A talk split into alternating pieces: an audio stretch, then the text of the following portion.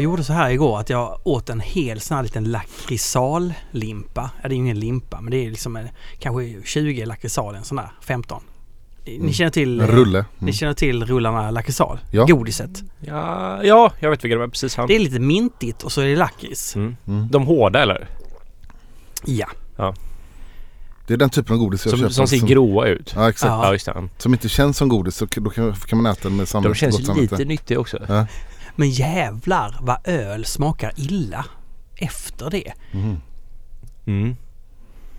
Vad drack du för en öl då? Jag drack en Falcon Bayersk 2,8. Ja. Okej, ja. Jag tyckte att det, det smakade bara eh, bubbelvatten. Okej. Ja, alltså, Ganska äckligt. Mint i allmänhet förstör ju alla andra smaker. Mint är ju svårt att kombinera med annat kan jag tycka. Jag kör faktiskt en grej nu. Jag försöker sluta snusa. Och då kör jag kör tuggummi och sådär. Ja. Och det är typ jättejobbigt när man håller på med öl. Speciellt för att om jag kör tuggummi så är min palett förstörd i en timme efter det tuggummit liksom. Just det. För att det är mint. Det finns mint och så finns det fruktmint. Det är typ de två smakerna som finns. Ja. När det kommer till nikotinfria alternativ. Eller inte, nej alltså sluta röka, snusa, nikotinalternativ. Mm. Så är det mint eller så här. Mm. Men nu har jag börjat med spray istället. Jaha. Men den har också peppar, det är pepp, inte pepparspray. Eh, men den har peppar, peppermint. Sonic. Ja. Så spraya i halsen då? Jag ska faktiskt ta nu. Okej. jag kanske tappa rösten. Men vad innehåller den? Vad är det? Det är nikotin i den? Lite grann? Eller? Precis, det är nikotinerna. Ja. Så det blir som att man... Det är väl för att sluta röka egentligen men jag tycker det funkar mycket bättre. Men det jobbiga är alltså det, nu är det mycket bättre för att den här mintsmaken försvinner väldigt snabbt då. Mm. Så att när jag ska testa öl på bryggeriet så måste jag, kan jag Kör den. bara köra på liksom. Ja. Varför vill du sluta snusa? Kanske är en dum fråga på ett sätt men Men mitt tandkött är ju obefintligt nästan. är det så? Ja, och så har jag ju slått ut mina framtänder innan. Mm. Eh, så jag har ju, mina, de är ju fake mina fram- framtänder. Mm. Så jag har ju lite problem med den. Så när man snusar väldigt mycket som jag gjorde, Mm. eller gör. Ja. Och vad i snuset är det som gör att tandköttet skadas? Det fräter ju liksom. Det är Mm. surt som fan.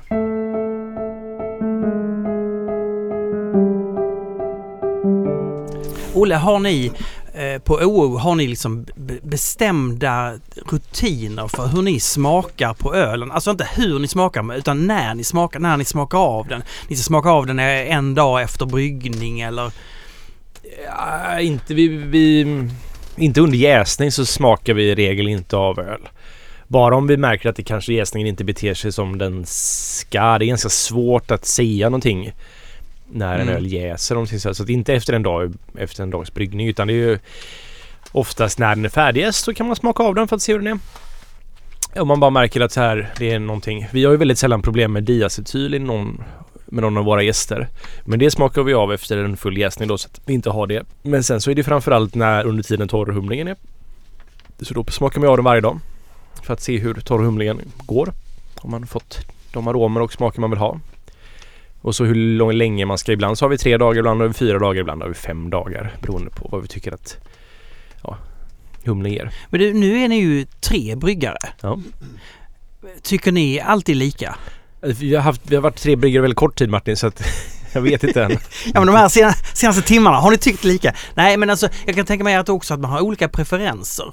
Eh, eller? Man, Ja det har man. Eller man kanske, man kanske, det är som att man börjar menstruera samtidigt. Alltså man börjar tycka samma saker för man umgås så att säga. Nej, men alltså vi, både jag och Erika och vi gör ju alltid saker lite på olika sätt. Det är viktigt att man inte gör olika saker som gör att ölen blir olika liksom. Ja. Sen så tycker jag man, sen har man frihet att göra det ja, lite hur man vill sådär. Men så länge resultatet blir samma. Men man kanske tycker väldigt olika om resultatet menar jag också? Eller? Ja, fast där det är ju lite att jag ändå bestämmer vad som är ölen ska och smaka och ha för idé med det hela. Mm. Sen så, alltså det finns ju vissa humlekombinationer som till exempel Erika inte tycker är speciellt gott. Hon har vissa humlesorter hon inte tycker om. Men jag tycker de är jättegoda. Så vi använder Okej. dem i alla fall. ja men det känner jag igen. Ja. Det, kan jag hålla det är ju, Ja. så får det lov att vara liksom. Typ faggels och sånt? Eh, Amarillo faktiskt. Hon tycker inte om Amarillo. Okej. Ja. Men, Vilket jag tycker om väldigt, men väldigt vad, mycket. Amarillo, berätta. Vad är det för doft, Nej, smak det- i den? Jag tror det är, jag har fått för mig att Amarillo kan vara lite som um, koriander kan vara liksom. Aha. Många beskriver ju Amarillo som väldigt tvålig liksom, alltså så här soapy. Ah.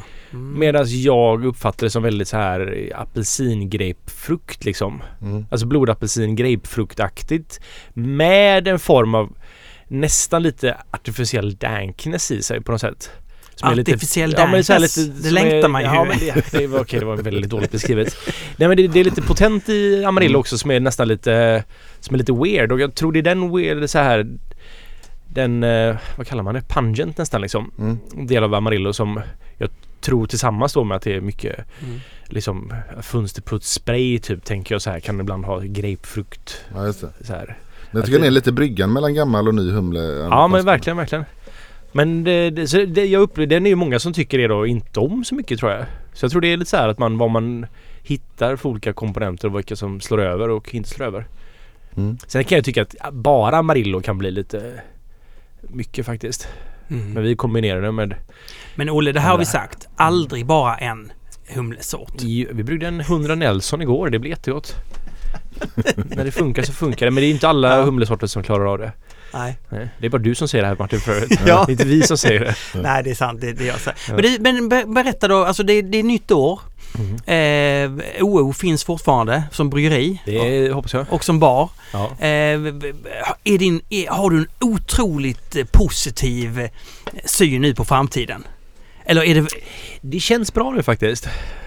Jaha. Ja. ja men jag vet inte, det varit lite så här att man fick lite energi och jävligt roligt att öppna en bar. Det blev Ja. så här, Det gav en, en injektion så att det säga. blev 10% mer värt att göra på något sätt. Jag vet inte riktigt. Nej men det var det, var, det var någon form av injektion gav det. Att man så här fick lite inspiration. Boost helt enkelt. Ja, Okej, du fick en, en inspirationsboost med att öppna en bar. Det innebär ju att du kommer ju öppna en bar varje år för att få den här Mm. injektionen. Lite som ett beroende nu. Mm. Ja, Jag tänker det är det som hände med Nils och Rickard någon gång.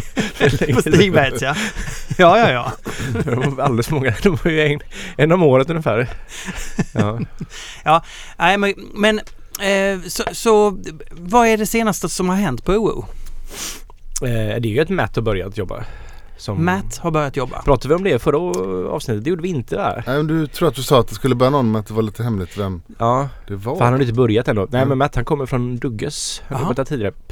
Kanadensare som eh, eh, Han har jobbat mycket i vinerier. Han har jobbat länge inom eh, dryckesbranschen.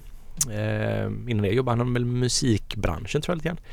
Men han eh, ja, har jobbat med vinerier eh, och sen så har han jobbat med bryggerier. Han har jobbat på ett bryggeri som startade upp i Sydkorea som heter Magpie. Mhm.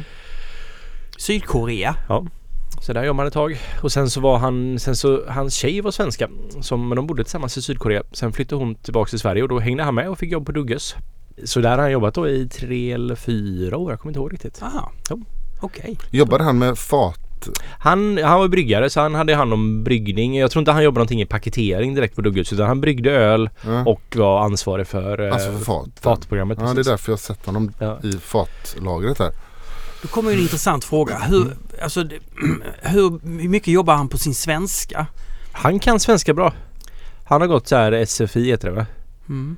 Det heter. Eh, Så han kan, han kan prata ganska bra svenska. Jag kan ha en disk- prata eller Jag pratar lite snabbt när jag pratar svenska. Jag pratar mycket långsammare när jag pratar engelska.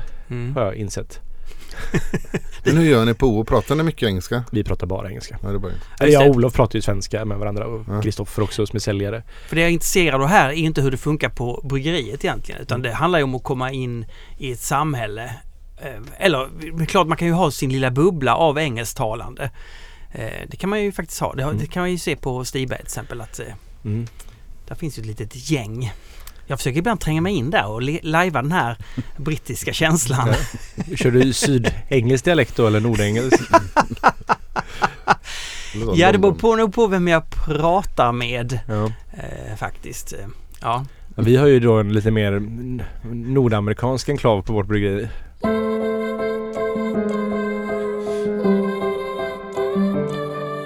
Vi var ju på eh, OO-baren tillsammans. Ja, just det.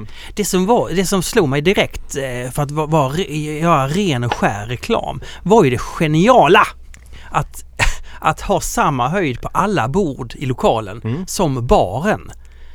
Det var, för då, då kände man ju så Tack, här, det var faktiskt min idé. Ja men det, för då, då, då, vi satt vid ett bord och man, man hade ju kontakt med baren på det sättet för man var i samma nivå. Man satt inte eh, på tidigare, när det var bang tidigare så satt man ju längre ner. Precis. Det var ju fortfarande ett trevligt ställe men nu blev det Mm. som att hela lokalen hängde samman med alla som var där. Ja, den är så liten så att vi, den första ritningen vi hade så var att man skulle sitta på vanlig bordsnivå.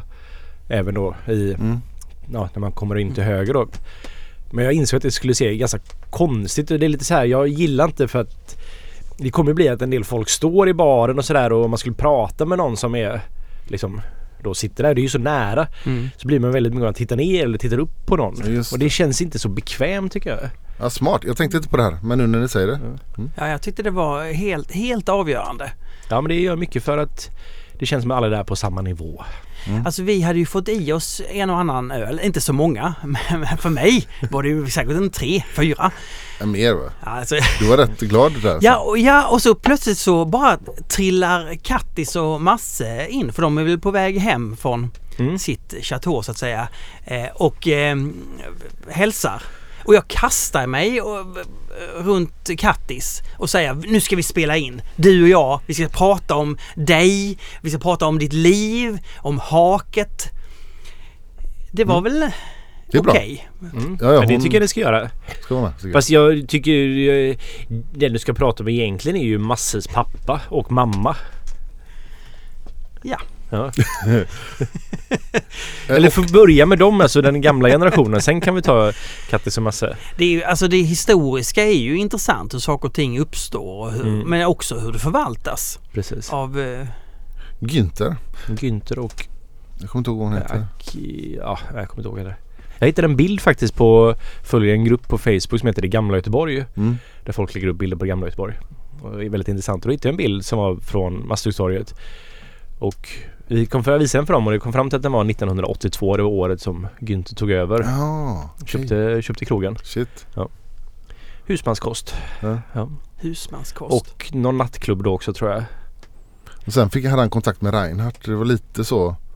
Tror jag ölgrejen kom igång Ja, lite man grann kan också. ja, berätta nu, Reinhardt. Han hade ju the, han som startade The Irish Rover. The Irish Rover. Som Ja. sen blev The Rover. En speciell man. Vadå? Ja, han är rolig. Rolig? Ja, men har, ett, har mycket så här. eh, Han är bestämd vad han mycket tycker. bestämd, väldigt Ja. tysk. Han kastade ut folk nästan som beställer stor stark. Ja men eh, mycket åsikter och sådär. Men kan man säga att, att eh, Reinhardt by, verkligen byggde upp en sorts ölkultur i Göteborg och var vägen för väldigt många att bli intresserad av öl? Superviktig var han. Mm. Han kanske är... jag hade inte gillat öl om det inte var så att han hade haft Nej, men är, är det han som har byggt Göteborg som ölstad? Jag hävdar att Reinhardt är starten lite grann.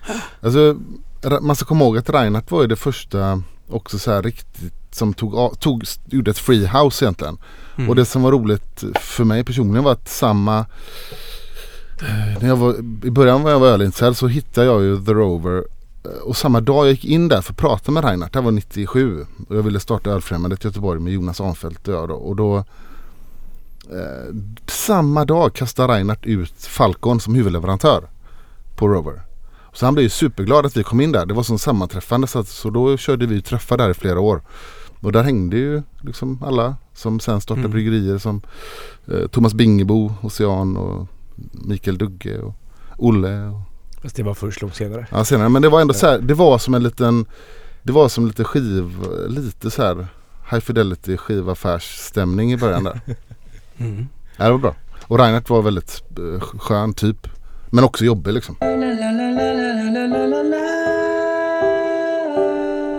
Nu hämtar vi ju kaffe. Och det här är väl lite mörkrostat, någon Mollbergsblandning, Zoega, jag vet inte. Men så får man ju höra av, av eh, k- kaffekännaren, nej men det, det, det här är ju bränt kaffe. Du ska ju måste ha det lite milda, varsamt rostade som har mycket mer nyanser och smaker i sig. Mm. Är det så eller? Det här var ju, det här var ju riktigt äckligt kaffe faktiskt. Det var äckligt ja. Ja. Inte så äckligt. Nej men alltså, och de hävdar också att man kan aldrig någonsin ha en mörkrostat kaffe. Det är ju liksom en avart av kaffe. De har ju verkligen bränt på det. Det är Ja. som att käka brä, brända grejer bara. Men, vilket är knaprigt och gott men Mm. Jag vet inte om det, nu får någon kaffenörd kommer säkert höra av sig men det är väl en, säkert jag. en myt men Vissa, jag har hört flera säga att just sånt väldigt hårt rostat kaffe Att det kanske i grunden inte är så bra kaffe Som man har rostat jävligt hårt för att det inte var så bra Det kan nog stämma tänker jag. Ja, men det är ju logiskt. Mm. Sen så, jag vet inte, jag, vi har ju den här Det finns ju arabica och robustabönan. Och ju, arabica är den som smakar gott. Robusta är inte så gott. Har jag fattat det som. Okej Ja. Ja. Så att jag vet inte i de här Ofta så står det så här 100% arabica liksom som ett så här Aha, som marknadsföringsterm. Och då är det som så här, oh fan är det robusta i det här annars? Eller så här, då Ja, blir man typ att För det är inte så gott men jag kan uppskatta en italiensk espresso ändå ha lite robusta i. För då blir det som en liten sån här kick i mellangärdet liksom. Man får så här, det är gott men också lite äckligt. Det här hände ju att eh, jag fick en fråga av Bear News. Eh, som, vad, vad är ditt ny, nyårslöfte inför 2022? Eh, och då, då sa jag ju så här. Eh, jag önskar att inte fly lika mycket via alkohol.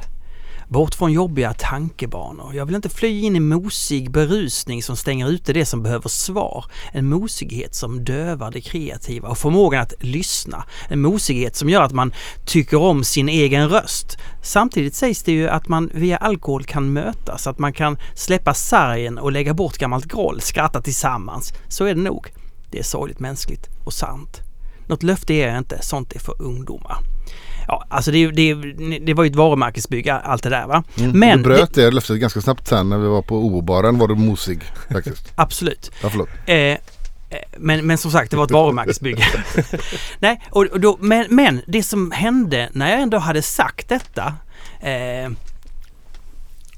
det är att jag nu när, det, när en ölmöjlighet står för dörren så har jag tänkt att nej, nu kommer jag bli lite mosig. Jag, jag kommer bli lite trött. Jag kommer vilja gå och lägga mig istället för att jag bara tar fram datorn och påbörjar någon liten ny låt. För det är det som är, det är det som är värt något att skapa. Hela det här skapandet, det är det som är hela livet. Men menar du att det står i kontrast till att dricka öl? Ja. Ja. Men tänk hur mycket Därför man blir bryggare så man kan göra både och samtidigt. Men du fattar väl hur mycket musik som har kommit till eh, under öl och efter öldrickande? Ja, ja, och det här är väl en personlig grej. Men för Mm. mig kommer det inte till. Nej. Inget bra, inget jag kan använda mig av. Nej. Och jag, jag får ingen... Jag, jag säger som, som Vedran här sa på, på en fest vi hade. Nej, men jag måste skriva ett manus eh, senare så jag kan inte dricka någon öl nu. För att om jag dricker en öl så då ifrågasätter jag varför jag överhuvudtaget håller på med någonting alls. Då kan jag bara, varför ska jag hålla på med det? Jag ska, alltså det är precis som att man lust, lusten att hitta en mening med livet försvinner. För man behöver inte det längre. Och det är ju det som är så skönt med öl också. Mm. Det hade också varit lite roligt om Vedran skrev någonting under berusningen. Ja, Jag hur tänker att han... så? Ja exakt. Och för er som lyssnar på den här podden och undrar vem Vedran är så är det alltså Vedran Rupic som sitter här på Palatset. Han eh, med sitt Business Club Royal har, har ju bland annat gjort eh, Salvatore Ganaccis eh, vi, musikvideo Horse. Gå in och sök på den. Två år i rad har de väl fått eh, bästa musikvideo på P3 Guld eller vad det heter. Grammis. Grammis är det Grammis och. Ännu även finare. British Music Awards Ja. vann de också. Det är stort faktiskt. Ja. Och sen mycket reklamfilm. Som sticker ut. Han har gjort också det. Mm. De jobbar ju precis med eh, I'm on a horse eh, märket som heter Det är mycket horse här alltså. Ja men eh, parfymmärket ja. Old Spice. Old Spice. De gjorde ju Just inte... ja. Ja. Har de gjort det nu? ja, de har gjort det. Fan Har du vad sett roligt. det eller? Jag har sett det. Ja. Det är ju ändå ett legendariskt rekl- reklamfilms eh, företag på det Ja. sättet. Jag såg här på fjärde våningen såg jag alla eh, accessoarer de hade haft. Eller massa narrsk- narrskor och sånt som låg där. Ja, absolut. Och länge hade vi den här motorcykeln klädd i hud. Ja. Eh, också i, här i. Otroligt fin men också otroligt den var ju alldeles för realistisk på något sätt. Ja. Just det. Det blev en väldigt så här uncanny valley grej i den faktiskt tyckte jag. Och den kan ni se då i, i, i videon Boycicle. Eh, också med Salvatore Ganacci. Tillsammans med Sebastian Tellier då. Som sjunger Ja, va? ja. Väldigt bra video. Ja det är det faktiskt. Jo, jag har börjat med en grej. Jag har börjat blunda. Ehm, Ja. Inte bara blinka utan du blundar nu också. Blund, alltså jag, jag provade det, jag pratade med min polare Mats i telefon, han bor i Stockholm. Och så bara blundade jag. det var som att lägenheten störde mig. Och när jag blundade så kom jag så nära eh, Mats Mm. och samtalet. Jag kunde fokusera. Det, var, det är som att, att synen bara fördärvar upplevelsen. Den grusar ner upplevelsen. Mm. Det- Den, det, det är ett fördärv. Jag tänker, Olle, om du provar en öl. Mm. Det är klart att, att utseendet på en öl har en viss betydelse, ja. Men smakupplevelse och doftupplevelse, kan inte den förstärkas om du blundar? Kan den säkert. Kan du inte börja skrika på Erica Shut your eyes when you're drinking! That's not... Ja, alltså lite så att... eh, att Mm. Jo man blir mer uppmärksam. Alltså det är ju en Ja. anledning. Det, det finns ju svarta glas. Jag har det. Ehm, Inte bara för att du är hårdrockare. nej, nej men så, svarta provarglas. och Det har jag haft ganska länge och de, ett par har gått sönder så jag beställde nya för inte så länge sedan. Det är hur bra som helst om man vill Mm. vara uppmärksam på, på öl. Och för att det är ju som du säger när man ser en öl, bara hur den ser ut så får man ju redan en fördom. Aha, den här är brun, den kommer smaka lite choklad. Eller den här. Men om du inte ser så är du, då är du väldigt mycket mer uppmärksam. Nej för liksom det är ju, man det går ju att testa faktiskt. Det är väldigt tydligt så här att om man ser och doftar så kan man ju med 99-95% säkerhet Mm. säga vilken typ av öl det här ungefär är. Mm. Man kanske skulle ha lite svårt att gissa om det är en IPA eller en Pale Ale men Ja. Man skulle ändå i stort sett liksom kunna luska ut ungefär Mm. vad det här är för något. Mer eller mindre med doft och syn bara. Mm. Och tar man bort synen så försvinner ju jättemycket. Verkligen. Då blir det otroligt mycket svårare. Precis, för man, med syn så kan man köra så mycket uteslutningsmetod också. Så det kan inte vara det här, det här, det här, det här, det här. Då måste det vara något av det här. Nej, det är ju, ja, och det är ju intressant Jättebra. om, om, det är det man, om det är det som är uppgiften, att avgöra vad det är för någonting. nej, för jag tror att det är inte bara det. Jag menar, du kanske blir mer, upp, du kanske blir lite mer uppmärksam generellt. Och inte, och lär dig saker av det tror jag när du provar blint. För Ja, ja, för det var, det, det var ja. precis det jag menade. Ja men precis för att om Mm. det är som att så här, om jag ser vad det här är för något så kommer jag ju då har jag redan så här gissat mig till vad det är för något. Och har massor med förutfattade meningar. Precis när jag Ja. då dricker och kanske inte är lika uppmärksam på vad jag ska leta efter. Nu dricker jag ju nästan bara öl som jag häller upp från tank för jag provar ju öl som vi har på bryggeriet för att se om det är kvalitet. Det är alltså det jag verkligen behöver analysera öl. Då vet jag redan vilken öl det är. Mm. ja, och det... det Men sen så Erika ger mig öl ganska ofta som vi har eh, blint liksom så här, ah, vad tycker du om det här? Och så säger hon inte vilken det är utan då ska jag liksom bara så här, är det här okej eller inte? För att då har jag lite mer, mindre bias när jag går in i den. För då vet jag inte, jag har kanske provat den tidigare på tank men jag har Just nu vet jag inte riktigt vilken det är. Man kanske ska börja med svarta glas faktiskt. Mm. Var köpte du dina någonstans? Eh, beställde från Riedel, de säljer Riedel. Jag kan skicka en kontaktuppgifterna. Ja, ja. De kan de skickar också levererade hit faktiskt. Ja. Företagsgrej. Okej. ja, Superbra. det är klart vi måste ha det. Fick tips av eh, Sanna på DN. För vi var på och provade eh, öl. Det här var ganska länge sedan. På Systembolaget i huvudkontor i Stockholm. Och då de har ett visst typ av provarglas. De är inte svarta, det är vanliga glas. Och så, så frågade jag vad det var för något. För um, jag var nyfiken på det. Och då sa hon vad det hette och var jag kunde beställa det. Och den här sajten de hade också svarta glas. Och då hade de lite större svarta glas än jag hade innan för jag hade ganska små. Så de, de är skitbra. Jag kan skicka länken. Hur ser provarummen ut på Systembolaget? Det är, ja, men det är ett stort eh, rum. Det är verkligen, det är ju byggt för att de ska prova liksom. ja, ja. Och så är det eh, längs kanten så är det en lång vit eh, bänk med ganska dju- djupa så här, ho- hovar som man kan hälla ut Ja. dryck och skölja liksom. Det är gjort för det. Eh, och sen är det ljus, speciellt ljussken så de kan se färger så här, vet inte vad det heter, lite lysrörskänsla bakom.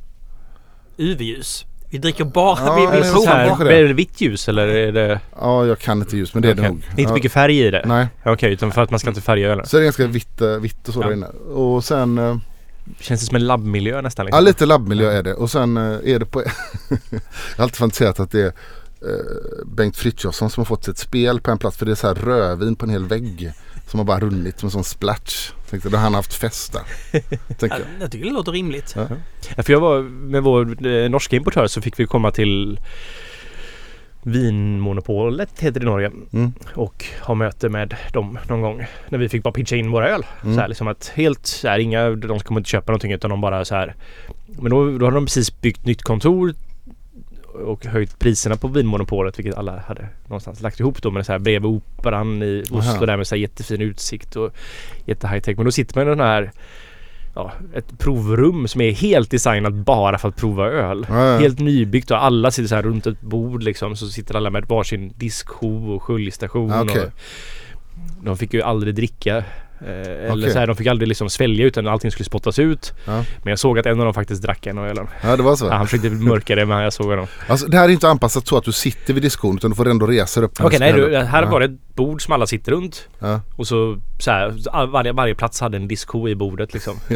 Men grejen är, det, man, ska, man får inte heller, jag tror inte du får dricka heller på bolaget. Du Nej. ska spotta, så det kommer spottkoppar med. Och nu i veckan var, Jag, jag, jag, jag såg spottkoppen var inbyggd i bordet också. Jaha, är det sant? Ja, alltså, så att nej, det var... fick sån skäll av Peter som sa Fan du får ju sköta det här. För att, vi två gånger nu har bolaget arrangerat provningar för skribenter i Göteborg på, i ölstudion. Mm. Så då har man varit där 7.30 på morgonen. Så det är jag, Peter, eh, Robert Lagerström och eh, Ronny från Bernius är där och provar ko- kommande nyheter då. Gött gubbgängen då. Ja det är det. Men vem som helst som skriver och som får ansöka om det. Så att, eh, eh och en dag var ju också liksom folk från huvudkontoret nere och tittade hur det här gick till. Första gången vi hade den här provningen. Och då, då står det ju så här spottkoppar som vi har. Man får inte dricka egentligen. Jag, visste, jag hade inte fattat det. Och så står en, en av de här cheferna och tittar när håller på. Så, så säger Peter så här bara att, att du, du, du, du drack ju när de tittade på det. Du kan ju, vara, du kan väl sköta det lite snyggt. Så här, hon såg ut och pratade med dig och bara sväljer du. Ja, sorry.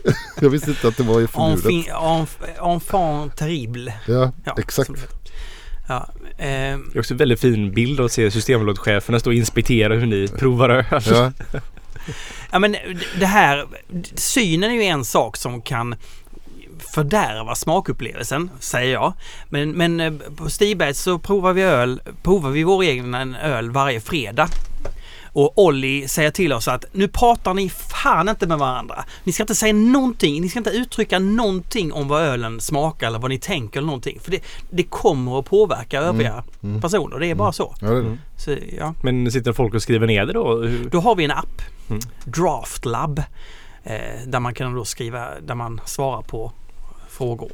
Eh, Ja, vi testar också öl på fredagar Mm. oftast så här Ja. lite mer allmänt bara för att så här, folk ska vara med på vad vi... Men inte så, men ni har ju så många fler bryggare.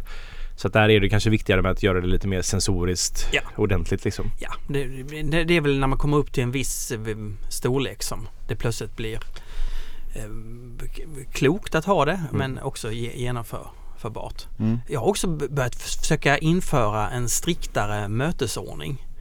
Eh, Vi, Mm. vi, vi, vi har ett måndagsmöte där en person från varje division så att säga.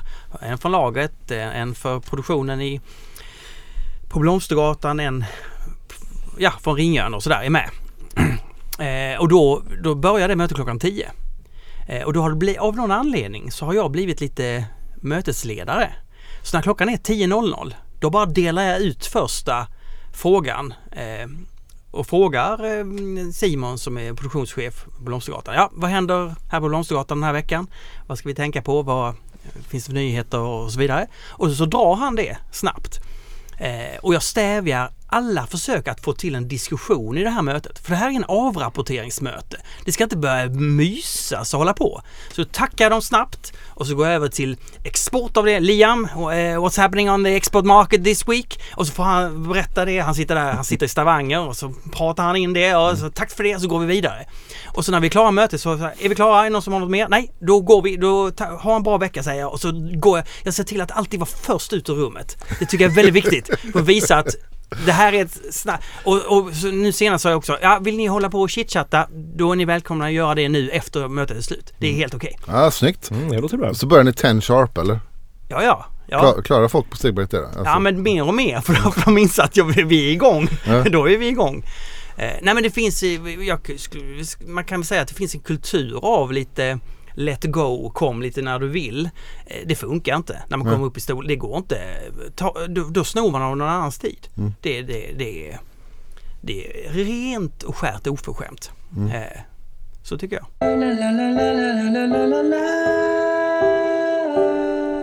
jag tror väldigt mycket på det som jag, det som jag pratar Jo, när det gäller det här eh, uttalandet som jag hade till Bear News att jag blev mosig eh, och nu när, när eh, jag får en ölmöjlighet så kanske jag väljer att inte eh, genomföra möjligheten så att säga. Det är ju verkligen så att om man, om man säger någonting, om man uttalar någonting så blir det närvarande i hjärnan. Alltså om man, Olle, om du bara tänker massor med tankar, så här borde jag göra med bryggeriet eller här, så här borde jag möblera om hemma. Så kommer det ju aldrig att ske. Det är, det är bara som en skön tankegegga i ditt huvud. Mm. Men om du plötsligt uttalar någonting så finns det en möjlighet att det händer. Mm. Är det en strategi som du kan jobba med på bryggeriet? Ja, men det är det. Här borde vi ha gula väggar kan du säga. Och så plötsligt så är de bara gula. Men så här, jag har ju den här podden lite för att det är ibland skönt att... För det är ju som första steget att så här liksom finalisera mm. tankar man har. Att man så här, man först rör, det rörs runt i huvudet och är väldigt ostrukturerade. Sen om man behöver prata om det då måste man ju strukturera dem på ett sätt. Och ja. sen så är det oftast om man skriver ner det sen som det struktureras i sin finalform. Dit kommer jag aldrig. Så att det räcker att jag bara pratar om det så mm. får det bli halv, halvstrukturerade idéer helt enkelt. Mm. Nej men det är bra, eller i min egna process att så här få en klarhet i vad jag själv mm. tycker och tänker. Så är det bra att man pratar om det. Ja men det är precis det. Fredrik, känner du igen det här? Ja, alltså, men det handlar väl också lite grann om social press här, Att man säger något för då måste man också göra det. Ja. Uh, och då är det bra att prata med någon och inte bara hålla det inne. Det är sant. Mm. Nej men det var väl så vi fick till eh, Fantombryggningen. Eller jag vet nej det var ju att du drack på fredagskvällen och, och, och fyllde Och blev mosig. Ja, ja. ja. och då hände det saker. Då hände det. Ah.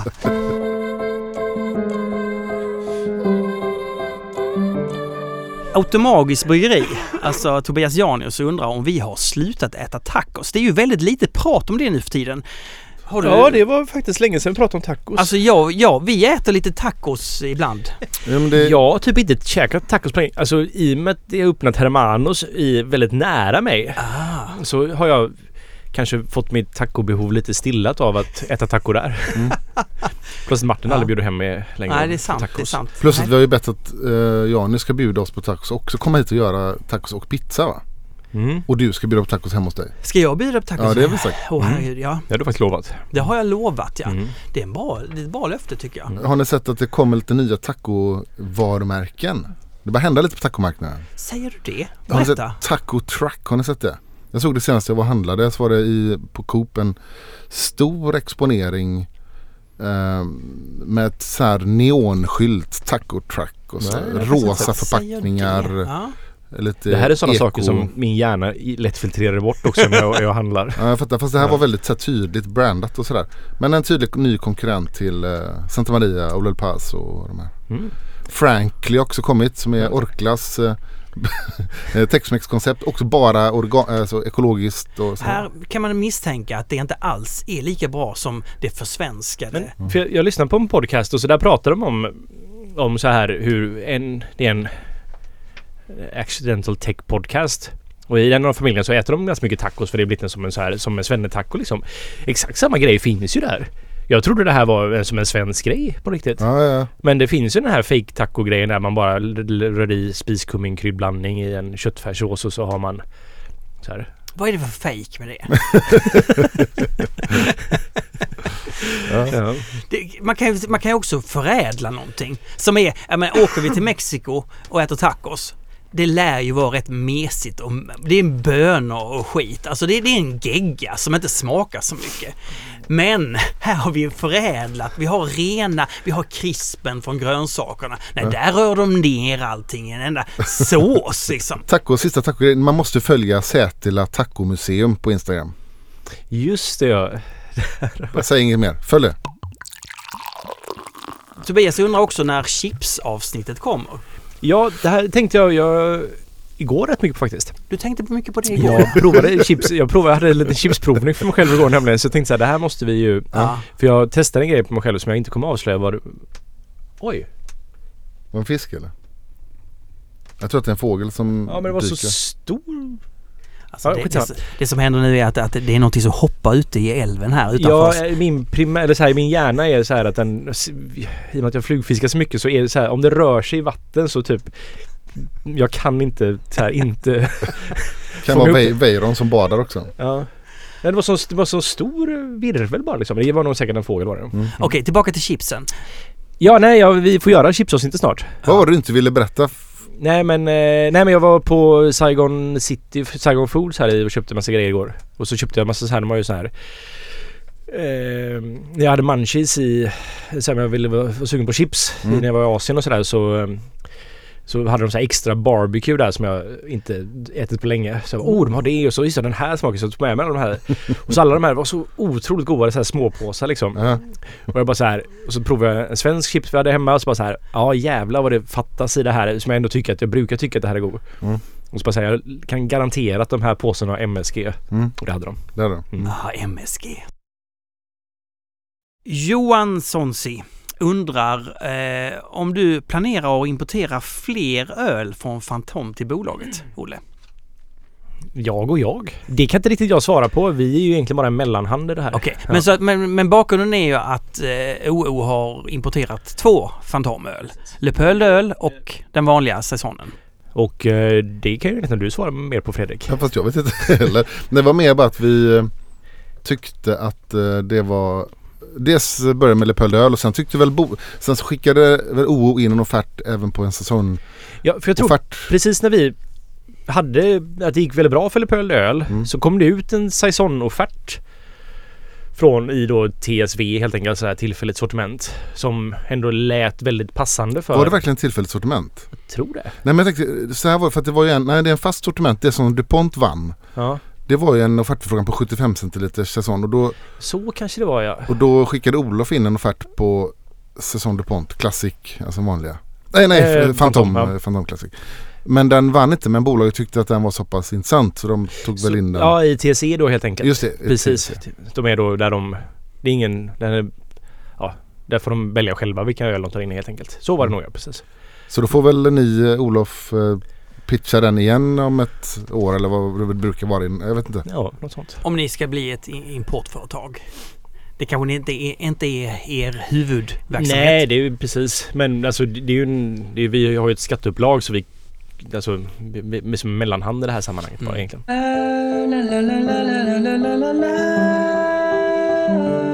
Eh, Lost in Fungus, mm, ligger det någon sanning i att vägen till den där fina maltigheten som man stöter på i en riktigt trevlig lager, ni vet den där som får armhåret att resa sig, ska ses i ljuset av en lyckad och tålmodig dekoktionsmäskning? Eller är detta enbart en svåravlivad myt som saluförs av gamla trötta nostalgiker? Jag tror ju på dekorationsmäskning. Jag, jag tror också på Bigfoot. Jag ska bara tillägga att det är alltså... By the way. Ja. Ja, Nej men alltså det handlar om att tro på något sätt liksom. ja. Så att då tycker jag att det spelar roll. Men då är det inte så här att dekorationsmäskningen gör att du får en, som du kallar en, du kallar det för Janko brukar säga krämig maltighet. Ja, en Maillard-reaktion. Maillard. Mm. Den ger en karamellighet.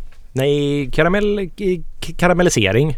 Det är högre temperatur än vad Ah, är Maillard det. är. Ja, ja, det vet man. Så vid 120 grader ungefär så får du en Maillard-reaktion. Och vad ger den för Och sen så smaker? lite högre upp över 135-40 grader tror jag det kan börja karamelliseras. Ah, Så mm. Maillard är ju det här, den här bruna fina grejen du får på när du steker kött till exempel. Det är ju liksom att man... Det är Maillard, ja. Det är ju förstadiet till karamelliseringen. ah, men vad ger det för smak? Det är ju, ja, det är ju umami kan man väl säga på ett sätt liksom. Ah. Men... ehm, En mer komplex och fyllig karaktär. Precis, ja. Och det, så det som folk hävdar då är ju att det här, du kan lika gärna stoppa i mu- Munich-malt som har genomgått en maillardiseringsreaktion på mälteriet som ett substitut för att inte behöva krångla till det Det med... låter rimligt. Ja, för att det, det är två frågor tänker jag. Man får dela upp det lite. För ena frågan är, gör det någon skillnad dekorationsmaska? Det är så här, ja självklart. Man kokar malten Ja. eh, delvis. Men, men, Men den ska andra vi berätta frågan... vad dekorationsmäskning Ja är? det kan vi göra. Men den ja. andra frågan är mer, kan man återskapa det på något annat sätt och det blir lika bra? Det är två olika frågor tycker Ja, jag. precis. Ja, hur gör man då? Ja, men först här, en dekorationsmäskning är ju att du kan göra enkel, dubbel och trippel dekorationsmäskning. Och det är att man... Det krävs ju lite extra utrustning i bryggeriet helt enkelt. Så när man har en mäsk, man tar ut en del av mäsken som är också då oftast en tjockare, Tjockare. del. Så att du har mindre vätska i den delen. Stoppa det i ett kärl som har som är direktdrivet av värme liksom. Och så värmer man upp då den här eh, delen av mäsken. Ja, kokar den mer eller mindre liksom. Då satte man tar upp den till 100 grader och kokar den. Det beroende på värmekälla och sådär. Här spelar ju faktiskt värmekällor hur... Har du ånga som är på en bar, vilket moderna bryggverk har, så kommer du inte ens upp med värmen riktigt på med den. Så då kan jag tycka att då är det ganska meningslöst att göra det. För det som är så här att en mäsk vill ju gärna... Vi har ju enstegsinfusion på vårt bryggeri. Det är det enklaste möjliga. Den brittiska typen av bryggning att man har en temperatur under mäsken som lägger sig någonstans mittemellan så man får en bra konvertering av kolhydrater till socker. Medans, men det bästa är om man kan stegmäska vilket är att ha olika temperaturer vid olika tidpunkter. Så man börjar kanske vid lite lägre och så går man upp och så har man liksom olika raster då för olika ändamål. Men du har tagit ut en del av Precis, mäsken. Malt, malt och Så om Ja. du startar då på en temperatur med Ja. din mäsk Ja. så tar du ut en del av mäsken, kokar den, kvart, 20 minuter. ja, för tillbaks då in i Tillbaka. mäsken. Och vad händer då? Då höjs ju temperaturen på resten av mäsken så att Ja. du får den här, du går i olika steg uppåt då liksom. Så gör man en gång i enkeldekation, gör man det två gånger så är det dubbel och så tre gånger. Så, så man kan då stega upp temperaturen på mäsken på det sättet. Helt Det enkelt. låter lite gammaldags. Det är det. Ja, det var ju så man bryggde öl förr i tiden kan man Ah, säga. ju- men gör du detta? Nej, jag kan ju inte göra det för jag har ju ett bryggverk som bara har enkelinfusion. Vilka svenska Det är inte bryggerier så många som gör det i Sverige men vissa klarar av det. Ehm, Med mycket trixande skulle jag säga. mycket trixande. Nynäshamn gör det på vissa öl. Ja. Eh, Patrik Holmqvist, eh, Nyköping gör det på vissa öl. Det är de som tror på. Kan vara så att Nils Oskar gör det på vissa öl. Det skulle jag nog kunna tänka mig. Mm. Jag tror de har ett rådigt bryggverk. Som att, för det handlar ju om att, så här, det handlar om att du tar den till kokaren helt enkelt. Mm. Så att om du har en mäskpanna så kan du föra över till kokaren. Vi skulle ju kunna göra det här men otroligt bökigt för oss. Ja. Det hade varit, man får ha en extern pump och slanga om allting och vårt bryggverk är inte bryggt. Det är, alltså Gerhard inte heller det på Stiberget liksom. Va? Men gör det en gång. Jag kan komma hit och hjälpa till med pumpen. Ja. Jag håller pumpen. Men framförallt så var det här ganska nödvändigt att göra förr i tiden när malt hade mycket sämre bryggegenskaper. Idag är ju kornet som används till malt så jävla tajt spesat så att korn funkar ju väldigt bra idag medan förr i tiden så var det kanske lite sämre kvalitet på Mm. malten. Så då var det väldigt nödvändigt att göra dekoktionsmäskning för att faktiskt kunna få ut ens någonting av det här.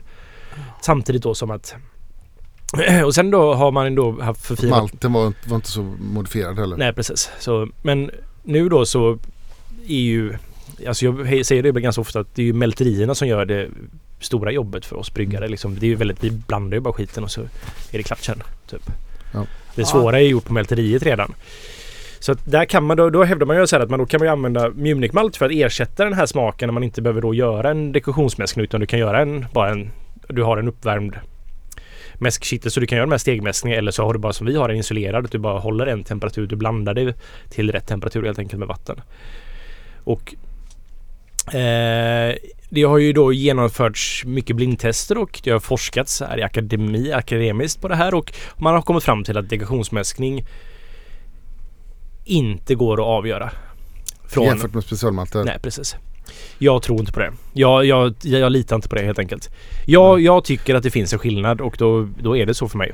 Det finns ju en anledning till att de som gör det här gör så pass förbaskat bra lageröl. Jag tror på det också. Mm. Som hembryggare är det ju ganska enkelt att göra det här beroende på vad vi ser vad du har för hem- Ja. bryggutrustning. Men Men det är så här, det är, sagt, det är ju så här, tror man på det så då spelar det roll. Precis som med Bigfoot.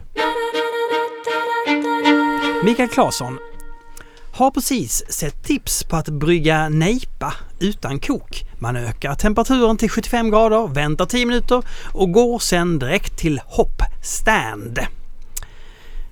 Vad tror ni om eh, att hoppa över koket? Jag tror inte det blir så gott. Rå IPA liksom. Eh, jag har testat en del och jag vet faktiskt bryggerier. Jag har druckit öl där. Jag vet att det här har gjorts. Och du spottar ut den. Ja, jag tycker faktiskt inte det blir så gott. Det blir en jävligt ostabil produkt också. Det är smakmässigt så spretar det som fan och det känns inte... För mig inte som... Det är ju en... Men jag tycker inte de här värsting eh, New England IPorna är så goda så att det finns ofta lite för mycket skavanker där liksom. Och jag tror inte det blir så gott faktiskt. Men det finns ju mm, bryggeri, bryggerier, bryggerier i Sverige som gör Nynäripa nästan utan eh, Mm, kok. Precis. För då får man fram, då dödar man inte så mycket smakämnen och sådär eller? Ja, det är nog för att man bevarar ju en grumlighet väldigt, Ja. väldigt mycket. Eh, när man kokar så fäller man ut proteiner och sådär. Sweetmike undrar vad vi tror om en för framtiden om gårdsförsäljning. Kommer det att funka eh, även efter att provperioden löpt ut? Eh, då undrar jag, vadå, ska det vara en provperiod med gårdsförsäljning? Ja, i det här förslaget som har lämnats med gårdsförsäljning så är det, då ska det, om jag minns rätt nu, så ska det sjösättas 2023. eh, Typ på sommaren nästa år. Jaha, Och så ska det vara en prov, prövperiod fram till 2029 tror jag. Sex år. oj. Fem eller sex år, jag kommer inte ihåg exakt. Mm, ja, och det är väl ingen som vet. Vi vet ju inte ens om det kommer bli en, en, en, en sån. Om det ens kommer inled, göras en första period. Alltså det här förslaget som har kommit är ju ett riktigt mening, men, alltså väldigt, alltså Ja. ja, det är ju inte seriöst tycker jag inte. Var det inte så att det var, man var tvungen att vara väldigt, väldigt liten? Och max- 500 000 liter är det. Okej, inte väldigt, väldigt Nej, liten. Men, men det är så här. Jag vet inte, det är ju... Oppegårds har ju inte Stibergets, Poppels är ju inte inkluderat. Bibliotek är inte inkluderat tror jag inte. Dugges inte, vi är snart inte inkluderade i det liksom. Så att alltså... Man kan ta sig en funderare på, och det kommer vi kanske återkomma till senare i avsnittet nu idag, varför den sattes på just den nivån. Man kan, vara lite, man kan ha lite konspirationsteorier om det. Mm, det kan man ha. Men jag tycker framförallt det roligaste är att man kanske då också ska behöva ha en rund, koppla det här till en rundvandring. Ja, just det. Så att det är som att varje men- fredag så kommer det någon och ska handla öl och så bara typ så här, ja Ta rundvandring här. Jag bara, ja den här veckan igen. Jag har ju bråttom. Jag ska hem och laga tacos. Vad fan. Men så tänker jag så här, då kan man ju bara ge hörlurar och så, så här har man så här pilar. Går det här och så kan man, så här, som i podcastappen, så här tio gånger hastigheten och så bara vomp. Tio olika smaker eller lukter som han tycker om eller inte tycker om 10. Ingen inbördes ordning. Ja, hallå igen. Nytt segment här.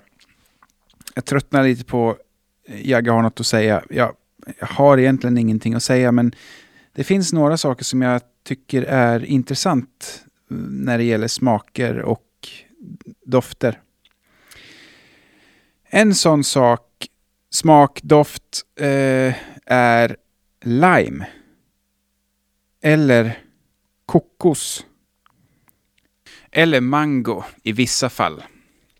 Men, men de tre smakerna, eller frukter, nötter, eller vad man ska säga, tycker jag hör ihop. Eh, de har någonting gemensamt. Ibland har mango det också, men inte alltid. Det beror på mognad och sånt.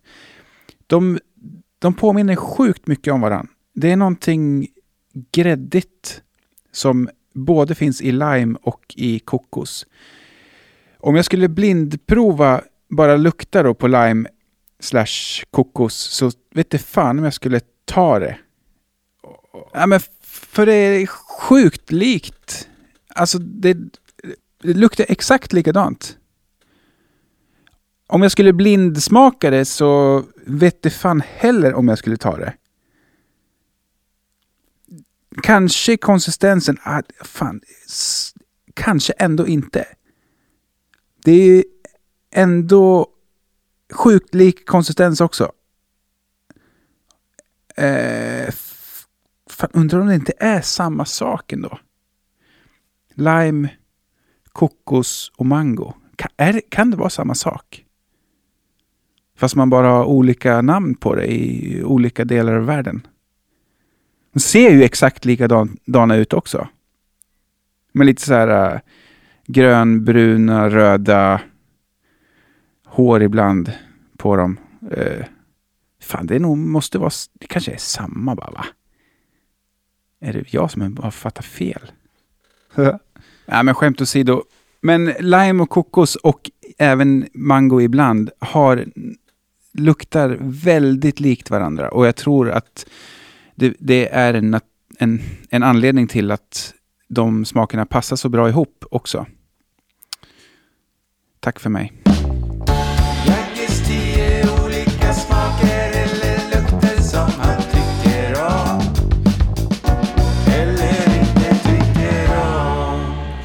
Ölbranschen eh, glömde fråga dig Olle om vilken folköl som är bäst till fiske.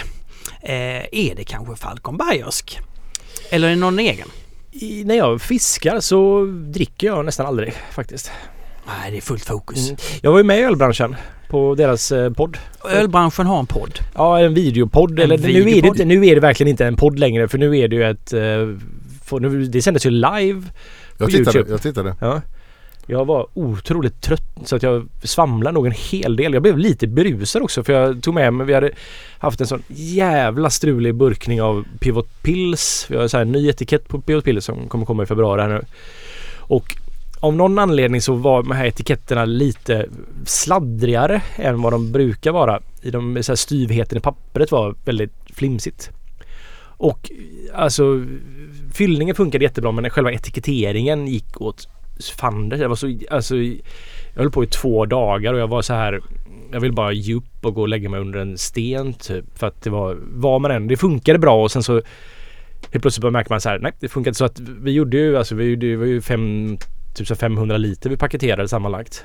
Och det är ju många pallar med öl. Vi fick ut säkert en pall med etiketter som vi var tvungna att ta av etiketterna på nu. Jaha, shit. Alltså det är ju det är en arbetsdag för en person att bara göra det liksom. Mm. Och det var verkligen superstörande för då lossnar också så här etiketterna om inte blir påsatt ordentligt i fyllaren. Och när de gör det så bara fastnar ju allting överallt. Och det var, det var så hemskt. Så jag var jävligt trött när vi spelade in den här grejen i alla fall. Ja men det blev bra tycker jag. Ändå. Ja. Ja. Men svaret är att eh, du dricker inte folköl? Alltså, nej, väldigt sällan faktiskt. Alltså, jag har haft med mig folköl men kaffe är viktigare för mig när jag fiskar.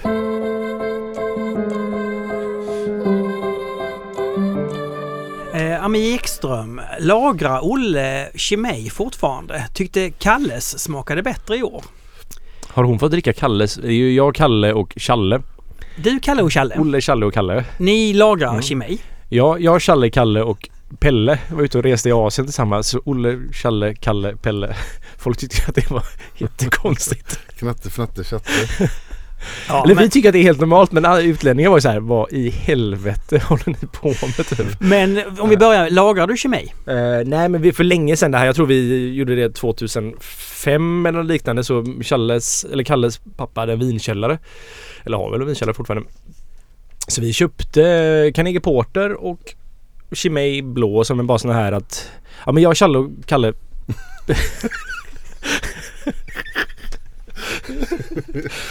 Vi klättrade väldigt mycket på den tiden.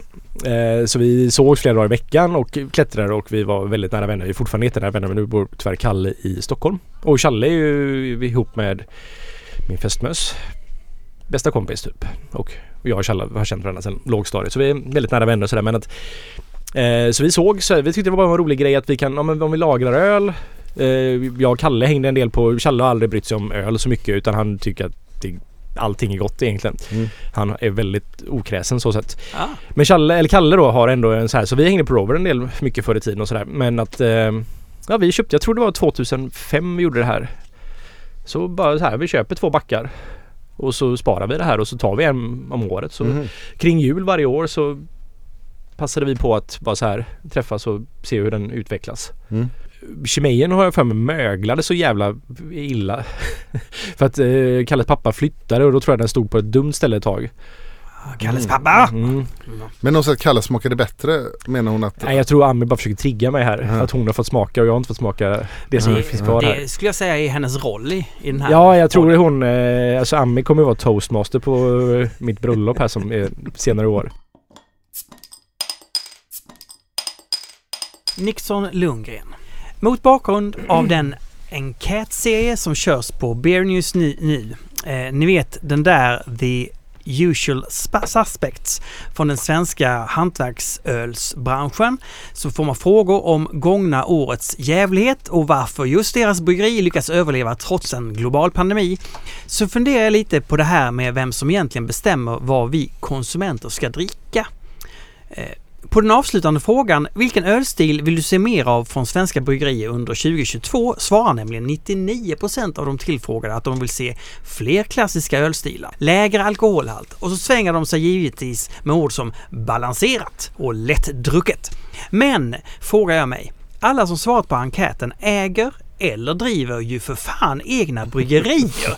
Det är väl bara att de slutar, slutar brygga thick hop juice med citra och mosaik och avlistar sina triple fruited gåses med insane amounts of hallonpuré från Systembolagets TSLS sortiment. Om konsumenten inte kan få tag på något annat än bitter, lättdrucken, mild, låg alkoholhalt eller någon tysk lagerstil balanserad är det väl vi i slutändan det som vi kommer att dricka.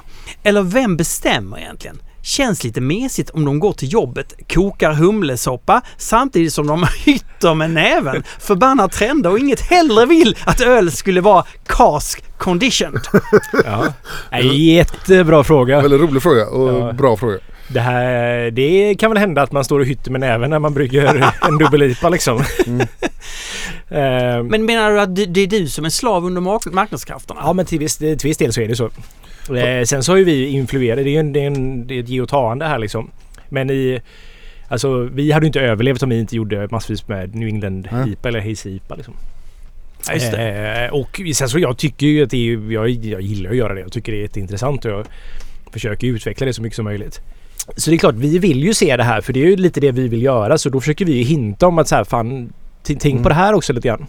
Det är ett sätt att liksom försöka influera marknaden. Ja. Det, Men- ja. Jag tänker så att det, det är... Det här det är två dimensioner det här. Det ena är ju så här. Jag tycker ganska ofta att bryggerier skyller på att säga att det bara är konsumentdrivet allting. Det är det inte. Det, det går åt två håll. Saker är konsumentdrivna. Eh, och de är men man kan också göra det mer producentdrivet. Alltså push och pull. Vem bestämmer? Och det tycker jag det finns bevis på det. Jag tycker Vi har pratat om det här tidigare avsnitt men jag tycker både O och Stigberget har varit bra på att tro på någonting fast den inte är någon jävla storsäljare. Och Nej. fortsätter man att tro på det och kör på det då kommer det löna sig till slut. Det är ju en investering vi Ja. gör kan man ju säga på ett sätt. Det kostar ju oss pengar egentligen. Jag fattar det och det är väldigt få som har den uthålligheten eller den lusten att ens börja med den resan menar jag. Vi kanske kommer in på det här lite mer när vi pratar om Ja. ämnet vi ska prata om sen. Mm. Men vi har ju såklart en möjlighet att influera. Sen så kan det vara lite knepigt med Systembolaget och sådär. För där är det ju Systembolaget som sätter sig som ett, en mellanhand mellan oss och konsumenten. Inte en ren push and pull mellan oss och konsumenten utan det är Nej, som just det. så här. Det kommer in någon typ så här app, app, app, app. Mm. Så här, eh, nej inte det där utan det här ska ni så här som är där och försöker styra lite grann. Och där blir Nej, det ju du rätt. knepigt på ett jävligt märkligt sätt. Systembolaget bestämmer lite grann vad konsumenten ska pull, eh, pulla och de bestämmer lite vad var precis. De, ska pusha. de är där och petar i det på ett Ja, sätt som inte gör att det inte blir en normal form av marknad på det sättet. Ja. Eh, om det gör ett bra jobb eller dåligt jobb, det vågar jag inte uttala mig om. Jag alltså- kan bara säga att det blir knepigt för oss Alltså, ibland. För vi kan ju känna att vi får gehör för vissa saker. Men på krogen till exempel. Men svårt att få gehör på Systembolaget för det. Eh, de vill ju gärna att man så här, Men det, samtidigt blir det ju då så här att eh, om vi får gehör på krogen så eh, om vi försöker översätta det till Systembolaget så blir det ju bara TSL så då blir det kanske inte riktigt en bad produkt. Då behöver man egentligen ha större. Men det finns ka- kanske bara plats för en då, ett bryggeri Mm. i Sverige för att få den platsen för den ölen. Just det. Det, jag kan ju eh, eftersöka kanske lite andra sortimentsindelningar på Systembolaget på ett annat sätt.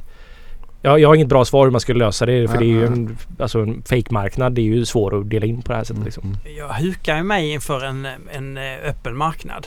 För då kommer den nog bli smal och enkelspårig och väldigt specialiserad. Men det vet ni ju redan att jag Mm. tycker ju så att, Mm. Precis som i USA med 8000 bryggerier och ja. ett enormt utbud av hantverksöl. Ja.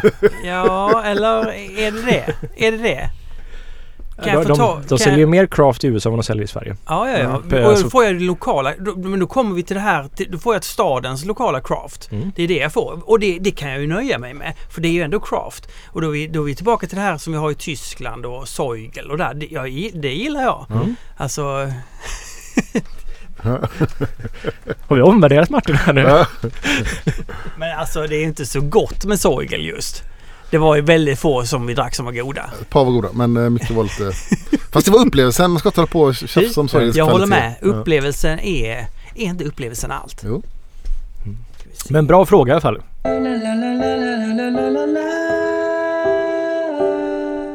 Getingen 1. Storbryggerier som brygger industrilager brukar ofta lägga till premium i namnet. Mm. För mig har det alltid varit en indikation på att man kan förvänta sig motsatsen. Det är jävligt roligt. Men, Det är som Men- ett kodord. Ja, det är det. men eh, nu tycker jag att det blir allt vanligare att även hantverksbryggerier gör detta tillägget, detta tillägg av ordet premium. Mm. Jag har ju använt mig av premium när vi gjorde Pivot Pills och då gjorde jag det med som en form Ironi. av ja, ironi. Men det, det, Hur det ska man ju- uppfatta det? Ja, det finns ju ett begrepp som heter craft washing då som är när storbryggerier använder sig av småbryggeriets retorik.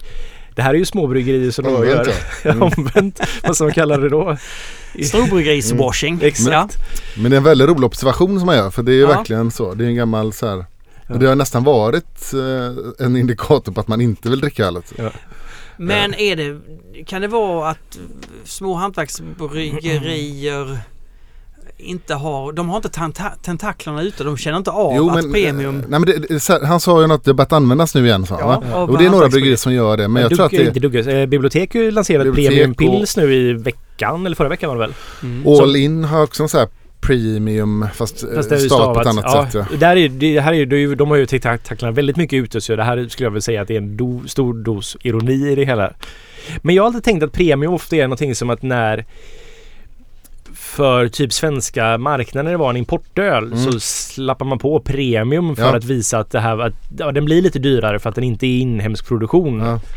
Så Det att det är så här, den importerad då blir det premium liksom. Men, ja men det, det har du rätt i. och kanske i hemlandet då, om det var en tjeckisk Ja. öl eller en tysk så kanske det inte fanns premium på. Nej men exakt. Men, men, det men ibland blir det också en krock i det. Jag kommer ihåg, jag gjorde, det har jag nog berättat tidigare men för många år sedan gjorde jag ett utvärdering av ett polskt vodkamärke i USA som eh, som ingick i Vin Sprits portfölj. Ja, skitsamma. Här är det lite grässtrå i sig. Nej det var inte den. Men den här var gjord på potatis då. Eh, Och då gjorde de en stor grej av det på etiketten. Så så här, Finest premium potato vodka. Ja. Och det här funkar ju inte alls i USA. Bara what the fuck. Alltså potatis är inte premium.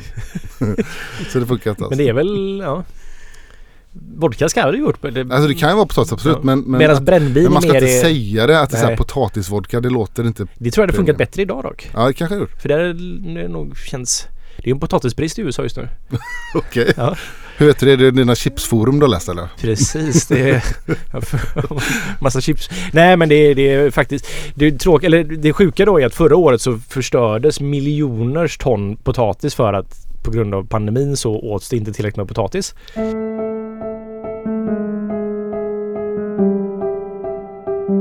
Robin Inda Food 2 undrar, vad är Martins roll på Stiberget?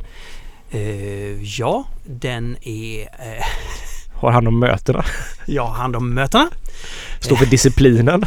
Jag tar i princip alla bilder och gör alla filmer som läggs ut i sociala medier.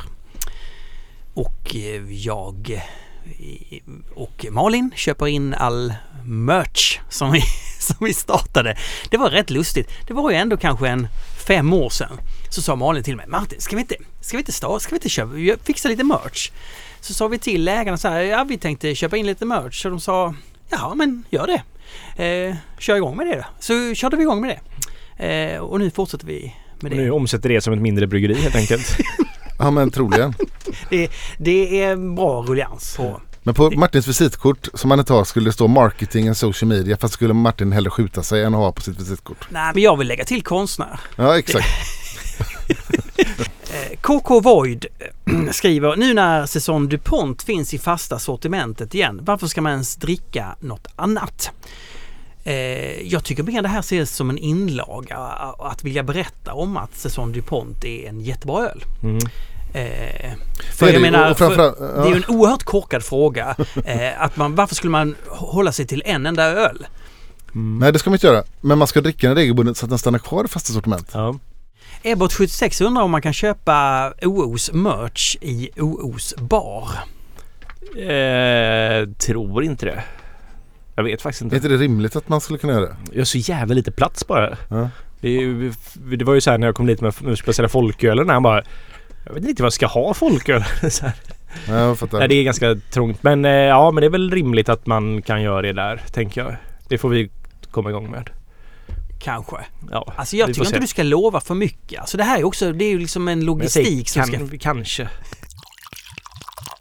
Eh, Rickard Söderstedt undrar hur det går med boken Fredrik. Och vad pratar du om för bok? Jo men ölboken om svensk ölkultur och ölhistoria som jag och Janius och Peter Jansson skriver. Det, det, går, det har gått segt periodvis av lite olika skäl. Men nu går det bra. Men vi har dels har projektet varit mycket större än vad vi trodde. Det har tagit mycket mer tid och det, ju mer man liksom gräver i det desto mer hittar man.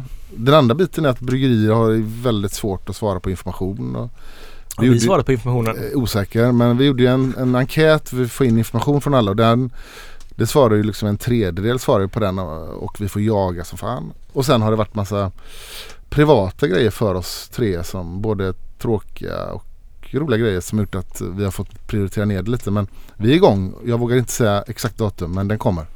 Fredrik Fardig, när planerar ni genomföra nästa provsmakning av hembryggd öl? Ska vi verkligen göra det här igen? Jo, det var ju skitkul. Eller, eller vad är det som är jobbigt tänker ni? Själva dagen, Ja. provningen.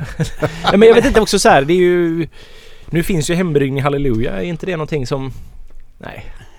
Ska de få det verkligen? Nej men få... få Ska vi göra det tillsammans med dem? Det skulle man kunna göra. det, det, Ja, Colab. där de spelar in allting och klipper det. Vad Precis. tror ni om det? De blir vår nya Ina i det här Ja. fallet. Nej men eh, det är väl... eh, Ja, vi, man, gör man det här så gör man ju det för de som har skickat in det. Så är det. Det är för de 40 personerna, 50.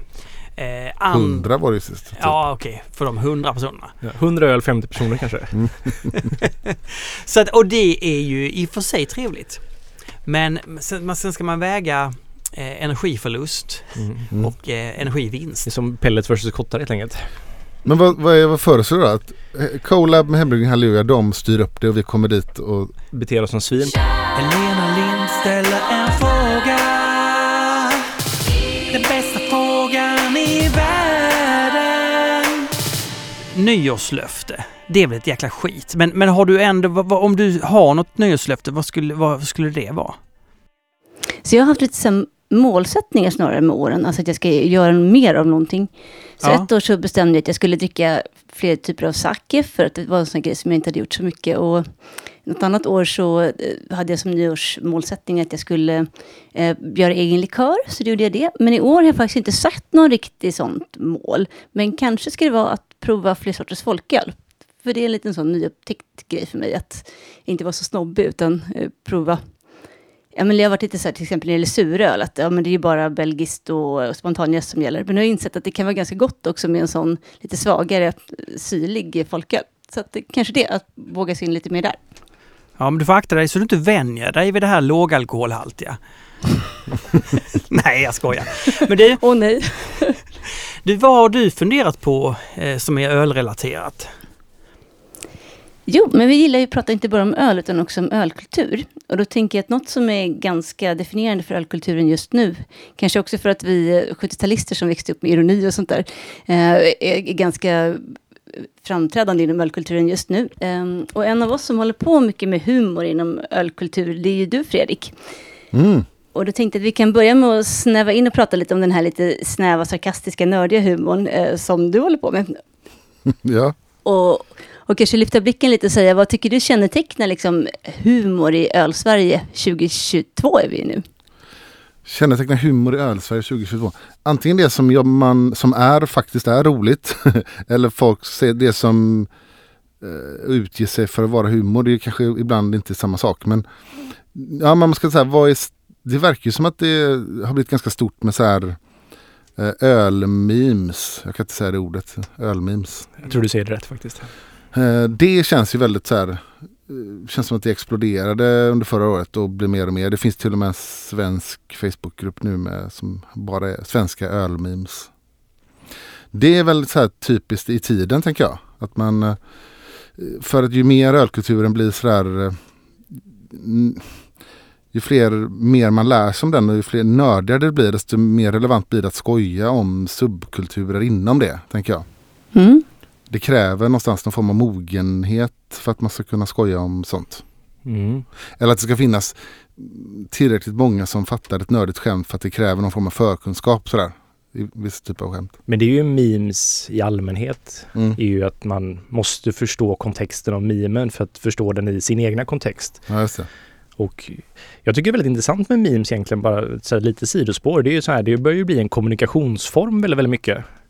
Och det är ju nästan som att man går tillbaks till att använda hieroglyfer som någon form av här, skriftspråk istället för Alltså väldigt, ja, liksom att man använder artefakter som att använda istället för skriftligt språk. Helt Ja, just det. Mm. Mm. Mm. Och mycket referenser också, att man refererar, referer, refererar till något som refererar till något som refererar till något. Precis, så man måste liksom, hela den här inception-nivån måste man typ nästan känna till för att då förstå hela kontexten av vad faktiskt memen betyder. Och det kan ju vara svårt för folk som är lite äldre. Eller om man bara inte har deltagit på internet lika mycket som alla andra har gjort. Nej men precis. Men det är väl det som, har, som känns eh, så här idag. När det, annars har ju ölhumor mest varit eh, så här ordvitsar och sånt för. Mm. Inför eller innan Mm. i Sverige. Ja, men det har vi pratat om med ölnamn och sånt ju, att man ska gärna ha en ordvits i ölnamnet. Ja exakt och hembryggare har ju varit mästare på det där länge egentligen. Ja, vad tänker, vad tänker du Olle? Har du någon, någonting, något inspel där? Alltså humor är inte min starka sida faktiskt. Det var roligt sagt. Eh, var det det? Se där, jag vet inte. Jag kanske är rolig men inte med mening. Är man fortfarande bra på humor då? Ja. Ehm, nej men jag tänker just det att det är, som det blir i, det är ju ett sätt att knyta an till en subkultur också som det här är att man för att förstå Fredriks eh, försök till humor, nej men för- förstå Fredriks Double Bastard Beer blogg så måste man ju ändå lite mm, vara insatt och då blir det ändå som en barriär kring det hela. Det är ju för den innersta kretsen på ett sätt och man, då känner man sig ju delaktig också så humor används ju på det sättet. Sen så lite i marknadsföring och vi pratade lite om det innan när du inte var med här men att till exempel ordet premium idag kan användas lite ironiskt av bryggerier som ett sätt att eh, vi, vi, vi, så det finns ju craftwashing då att vi snackar om en så här industrilagerwashing istället att man tar deras begrepp och gör det till våra begrepp på våra sätt liksom. Mm. Och att man eh, när man gör en helt vanlig stor stark öl fast ändå hantverksbrygg då så kallar man det för premium pils till exempel. Jätteroligt. Ja. Ja, eller som eh, den här Konsumölen också från, var det Stigbergets? Just det. Mm, Som gjorde en sån blåvit can, liksom. det är också ganska roligt. precis. Och där är ju Men, många... tänker, men som bara är rolig i Sverige, tänker jag, för det är ju inte helt out of context om den säljs utomlands. Nej och den är inte rolig för unga konsumenter fattar väl inte alls den kan jag tänka mig. Nej, men de tycker att den, är, den har ju så många nivåer. Jag tycker det att alltså, den borde vinna något pris för liksom alltså konceptad produkt egentligen för att bara rent estetiskt att titta på så är det väldigt snyggt. Och på hyllan så är det som att så här, det här funkar. Det här är en väldigt informativ, ändå elegant Mm. produkt liksom. Plus då att den har en, ett, en historia på ett sätt som är en hommage då till Blåvitt hette den. Ja. Ja, precis. Ja precis. Ehm, så det är en otroligt snygg produkt på det sättet liksom. Man kan ju nästan tro att det är en reklambyrå som fått jättestora pengar från Stiberget för att komma på det här konceptet. Just det. Men det är det ju inte. Nej, men så brukar man ju säga att humor kan ju stärka en grupp, men det kan ju också göra att folk inte känner sig välkomna, som du var lite inne på Fredrik. Och under 2021 så pratar man ju mycket om det här med, ja, men det här med Michaelegate och allt det här, och att folk som kanske inte är vita, straighta män inte känner sig hemma. Och att man kanske, det som en person upplever som trakasserier, tycker en annan person bara var ett skämt. Och så viftas det bort lite grann.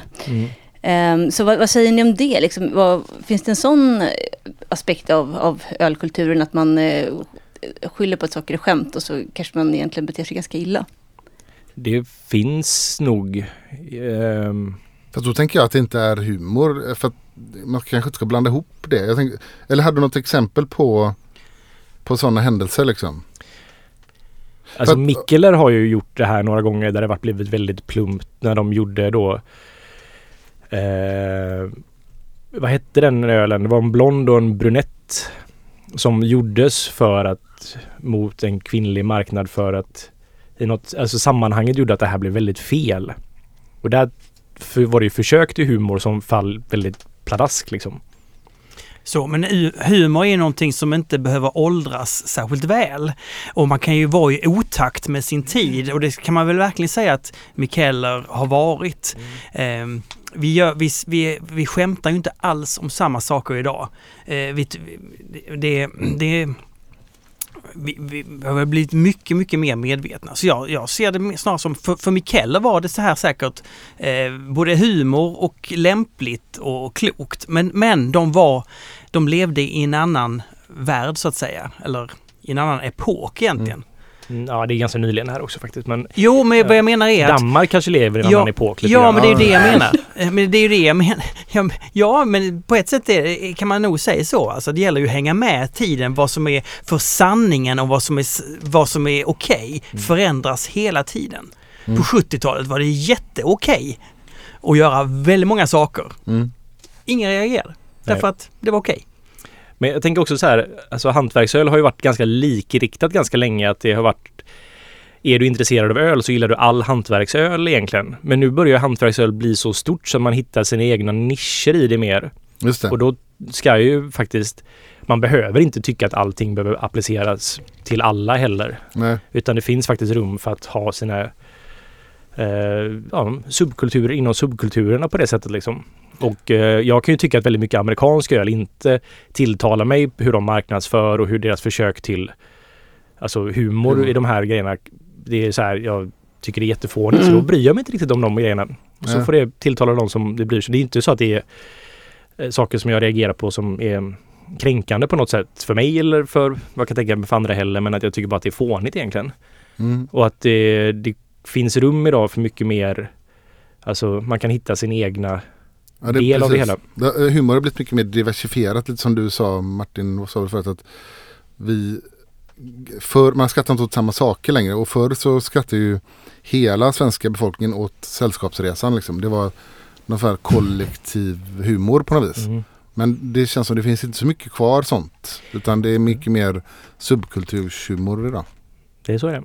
Jag saknar ju den typen av humor som alla tyckte ändå var lite roligt som Nakna Pistolen och Mm. den typen av grejer. Men det kanske finns några sådana exempel. Kommer vi på något? Alltså, som, som alla tycker är skoj. Det finns vissa saker som delas av alla, alla som är sådär. Du menar så här, en grundläggande humor som all delas av alla? Ja, Ja, situations... Robert, Robert Gustafsson. Ja, fast gör, det gör man inte längre. Gör man det? Ja, nä, nästan. Du, nästan alltså. Du, du kan ju inte få med 100% men du kanske får med 75%. Mm, Okej. Mm. Mm. Mm. Ja. För mig var ju fulölsgrejen som Robert Gustafsson gjorde när han filtrerade öl in med socker och brödlimpa. Ja. Det, det, alltså, det, när jag var liten, jag tyckte ju det var otroligt roligt på något Mm. sätt och det levde ju med mig väldigt, väldigt mycket. Alltså så här att begreppet fulöl uppfanns väl där av honom, tänker jag. Jag absolut. Ja, eller populariserades i alla fall. Ja. för det, Ja. Det är en otroligt bra reklamfilm. ja, den är väldigt smart liksom. Och man har ju skämtat om alkohol, liksom. men man har ju hittat sådana gamla lämningar från typ eh, gam- gamla Grekland och längre tillbaka. Där det finns ju liksom alkoholhumor alltid med. Och i Sverige, även om, om eh, det under 1900-talet var en väldigt sån restriktiv syn på alkohol, så har man ju skämtat om alkohol hela tiden. liksom. Det finns ju väldigt mycket skämt som handlar om, Ja, om alkohol. men visst det är ganska mycket om sprit och öl. Att, men inte så mycket om vin. Är inte det så här folklighetsaspekt i det? Eller förstår ni vad jag menar? Mm, Skämtar verkligen. man om vin? Jag tänker inte att man gör liksom. Nej. Jag tänker att i Frankrike så skämtar man säkert om vin. Ja. Men vi kan inte göra det. Nej, och jag tänker också att det är ett sätt att så här, hantera det här stora, att det är ett sånt stort tabu, att man, att man skojar så mycket om det, att det är därför det blir så roligt. Ja, men exakt. För det vet jag, jag såg, eh, de hade ju, de här Jönssonligan-filmerna har ju legat uppe nu på, ja, på strömningstjänster. Och då såg vi dem med barnen och då känner man så här när Dynamit Harry går runt och är uppenbart alkoholiserad. och så det är inte så, alltså det är lite det där skrattet fastnar i halsen, är det här roligt eller inte? Och är det så här hysteriskt roligt som det var på 80-talet? Ja. När eh, han uppenbarligen har abstinens och går runt och så här och så dricker han och så blir det fel liksom. Det är ju väldigt roligt när man säger, vad han säger? Men titta en öl eller vad det En öl. Ja. Att han, så här, han blir så glad varje gång han... Nej men, och alla andra får någon skräck i blicken att han hittar en öl för då vet de att nu skiter det sig. Ja. Men jag kommer ihåg att jag tyckte det var ganska... O, när jag var liten och tittade på Jönssonligan att jag tyckte att det var lite obekvämt med att han var alkoholist faktiskt. Ja, okej. Att det var Aha. sorgligt och tragiskt och eh, lite obekvämt. Jag tänkte jag aldrig på. Ja, och det är ju inte mer den nya versionen som kom häromåret. Det är inte det? Nej. Nej. Så det är en spännande, liksom, om man ska prata om det här med att vara med i tiden, så är Mm. det uppenbarligen inte lika okej att skoja om nu. Nej. Nej. Kan man inte vara shopaholic eller liknande då istället? Går du och köper på nätet i tid och otid? Spelberoende. Ja. Ja. Men frågan är, vissa skämt som vi sa tidigare har blivit känsliga. Dels för att det kan vara kränkande såklart om, man, eh, om det kopplas till individer och eh, kön, sexualitet och sådär. Men, men jag kan också uppleva lite att det har blivit en, det är ju lite av en kränkthetskultur som också drabbar humor generellt. Alltså att, att eh, nu, om vi pratar ölhumor nu, det är ju så här, jag kan ju märka att folk kan bli så här stötta om man skojar om en kategori av öl. Vilket är skitkonstigt om man tar på sig rollen att försvara milkshake-IPA. Alltså om man skojar om det så det är ju konstigt att någon ska känna sig individuellt kränkt av det. Mm. Eller? Ja, det är intressant det där. Mm. Intressant. Det är väl när folk har byggt väldigt mycket av sin livsstil kring det kanske. Ja. Nej men och att de tycker på ärligt att det är gott och så känner de sig inte tagna på allvar då om någon skojar om det. ja. Mm. Det blir Kanske tar väl- över så här, musiksubkulturerna lite, så att man har en öl, ölsubkultur som man ident- identifierar sig med istället, istället för att vara syntare. Så Mm. är man milkshake-IPA, fantast. Och Ja, men exakt. kränkt. Men, men det handlar ju, det är ju en sån klassisk eh, kritik av det man håller på med. Man tror ju på olika saker. Om någon annan kommer, ja men jag tror på det här istället, då blir det i sig en kritik av det jag har valt att tro på. Det som jag gillar. Så att eh, jag tycker det egentligen är ganska självklart att man blir förbannad när du kommer där och, kritiserar milkshake IPA. Här har jag, här, det, det här är vad jag tror på, vad jag gillar. Och så är det någon som säger att det inte är... Det är ju därför, det är ju därför väldigt många män blir kränkta om, nå- om någon är homosexuell. Vad fan är det för en jävel? Det ska jag banka ner direkt. Därför det är ju en kritik mot min egen sexualitet. Så är det ju enkel mä- mänsklighet bara. Ja. Ja. Men sen skojas det ju också med ölnördar, alltså i, i mainstream-media och så på ett annat sätt nu. ja, det har du rätt i. Eh, Verkligen, verkligen. Ja, Eh, så där har vi ju lyckats. ja, jag hittade den. Han var tidigt ute. Vad heter han som gjort Rocky, serien Rocky? Mm. Ja, just det. Kellerman. Ja, Kellerman, Kellerman. ja. Ja. Jag hittade en sån seriestrip som är, den är från så här 2010, alltså skitlänge sedan. Där han, där han, eh, det är otroligt Mm, roligt. jag Alltså minns det här också. Ja, Där blir jag lite provocerad kommer jag Ja, ihåg. ja men jag också samtidigt då. Ja. Samtidigt som jag tyckte att det var lite roligt. Men nu i efterhand är det ju briljant. Så här, de sitter på någon krog och så är det någon som är bara bajsnödig om, om sin öl och så säger inte den här jävla ölkulturen eller ölkulturen dö i en strypronklek säger han. hans, hans kompis. Det, den var väldigt rolig. Mm. Men det är också djupet i den är att han driver ju lite med, jag tror faktiskt Martin Kellerman heter han Mm. Jag tror han till och med kanske uppskattar Martin, Martin, ja just det. Ja. Eh, hantverksrörelse. Så han driver ju lite med sin polare och sig själv på samma gång liksom. Ja, det här är två motpoler som Ja. är fåniga på varsitt sätt. Ja. Men jag tänker på den här seriestrippen också så här att som, den dyker upp i tid och otid som hela tiden så här, den är väldigt, han som målar i GP det va? Johan Van, Vanlo. Ja precis, Vandlare som har den här eh, den utanför korvkiosk i Majorna, precis där jag bor dessutom. alltså, mer eller mindre utanför mitt fönster. Så står det en, annan, en man, en hipsterman och kramar om en annan hipsterman som är fördärvad Ja. för så här. Och så, bara för att du bor i Majorna så behöver du inte starta ett, hip, eller ett eh, mikrobryggeri. Det är okej. Det är okej liksom. Ja. Och det, är- den, den Det är känner jag nog, den träffar mig ganska hårt faktiskt. Fast Ja. det är jätteroligt är det. Och då är det är ju humor som bäst då liksom när man faktiskt Det är ju en form av buffer vi har i samhället så här att peka på brister Ja. som man kanske ska börja fundera på. Ja, då, är, men ju- exakt. då är ju humorn väldigt ett första steg att komma dit. ja, men då har du rätt i. Det, är, Mm. det är en viktig samhällsfunktion vi har, humor. Ja. Sen finns det väldigt smal humor som jag kan uppskatta. Eller kan inte ni känna er om, om den humor som man känner att här måste man tänka rätt mycket. Och om man har fattat symbolerna i det så blir det ännu roligare. För Mm. att man inser att det här det kanske är lite självgod grej men att man säger ja, och jag har, fatt, jag har kunnat koda av det här då är det, blir det jättekul. Men det är ju hela meme-grejen där att så här, när man, det blir ju roligt först när man förstår Jo fast du kan lägga, lägga in lag, flera lager i det. Jag tänkte på en, Ja men precis och det finns ju ofta så finns det ju att många kanske bara ser ett djup, ytligaste lagret på en meme. Ja, Men sen så desto mer du kan desto mer av de här lagren ser du liksom. ja just det.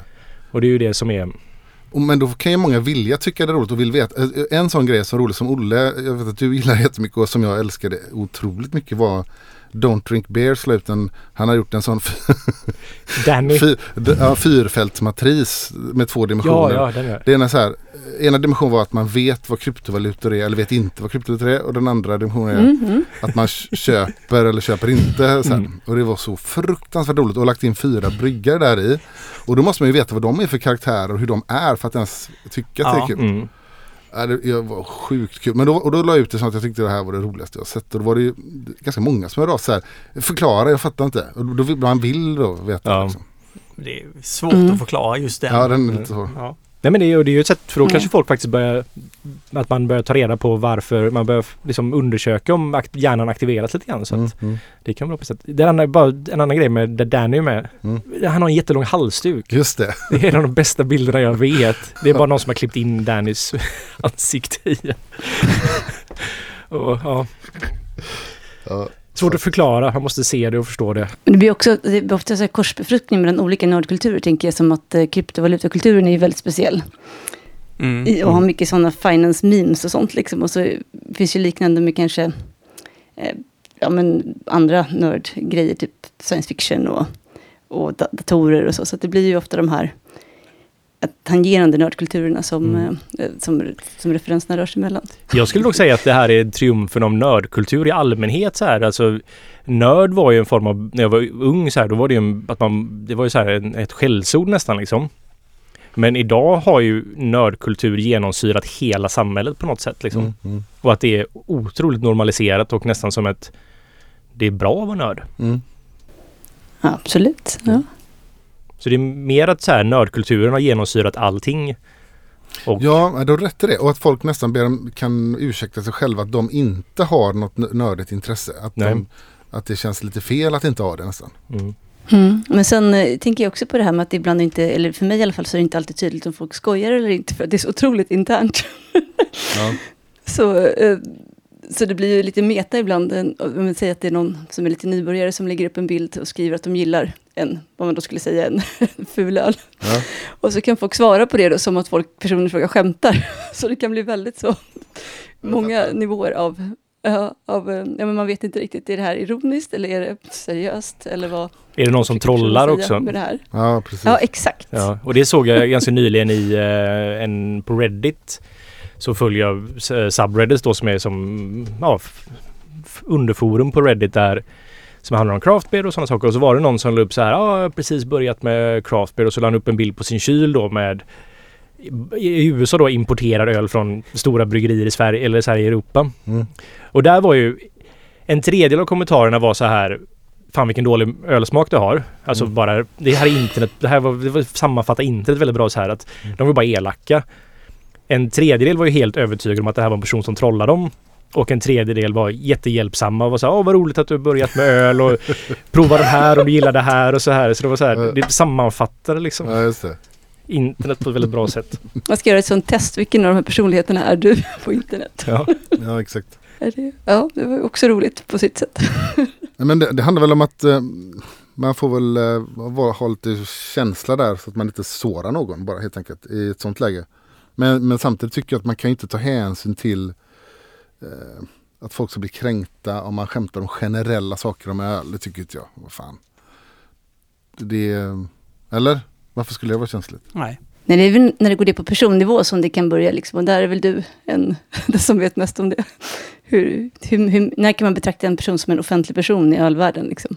Fast där är jag noga med om, om jag hittar en rolig kommentar från någon har gjort på hembryggning på Facebook som är en bra källa för humor eller vi dricker öl. Då, då skriver jag inte ut vad den personen heter eller då maskar jag ju namnet på den och då Har tycker jag någon- man kan göra det. Har någon Mm. någonsin hört av sig till dig? Ja, ja. Ja. Fast det är mer, det är det jag menar, då är det personer, om man skojar om ett bryggeris öl eller en, någonting. Då finns det ju, det finns ju väldigt mycket många manliga stora egon där ute. Mm. Så det finns ju några personer som aldrig får någon kritik eller blir motsagda. De har hört av sig, eh, har hänt. Du Helena, eh, alltså om du, jag tänker på det här med det, det är så att säga i stort sett februari. Eh, och då är det ju vår skyldighet att plocka dricka varsin flaggskeppsöl. Alltså en klassisk eh, storsäljare som allt, för alltid ska finnas. Så då undrar jag, vilken är din flaggskeppsöl? Jag måste ju nästan välja en belgare då och då tror jag att jag säger eh, Rochefort 8. Den tycker jag är väldigt bra. Den är en sån eh, klassisk smakrik, eh, ganska snäll men ändå väldigt karaktärsfull öl. Så den, den tycker jag är jättegod. Och den eh, kan jag rekommendera alla som inte har provat att prova. Nu är det dags för Fredrik att komma in och rädda hela skiten. Fredrik, Ja, välkommen in i studion. Då undrar jag, vad har du druckit för något gott sen sist? Vad har hänt den här månaden? Eh, vad har du liksom tagit till dig? ja. har- Eh, ja jag tänkte säga, jag lyfte, upp ett par öl. Jag var ju som jag var på bolaget eh, Nordstan, eh, vad heter det, Ölstudion. Prova nyheter, kommande grejer. Och det är för att du är journalist? Ja visst vet du. Mm. Skjutjärnsjournalist. Ja. Då provade jag några grejer som jag tyckte var superbra som kommer snart. Eh, Jag bara skrev upp vad den hette. Eh, Och så har jag med mig ett öl som redan finns som vi ska prova. Men dels så kommer Nynäshamn med en eh, India Red Ale som heter Roxen i februari. Den var svinbra.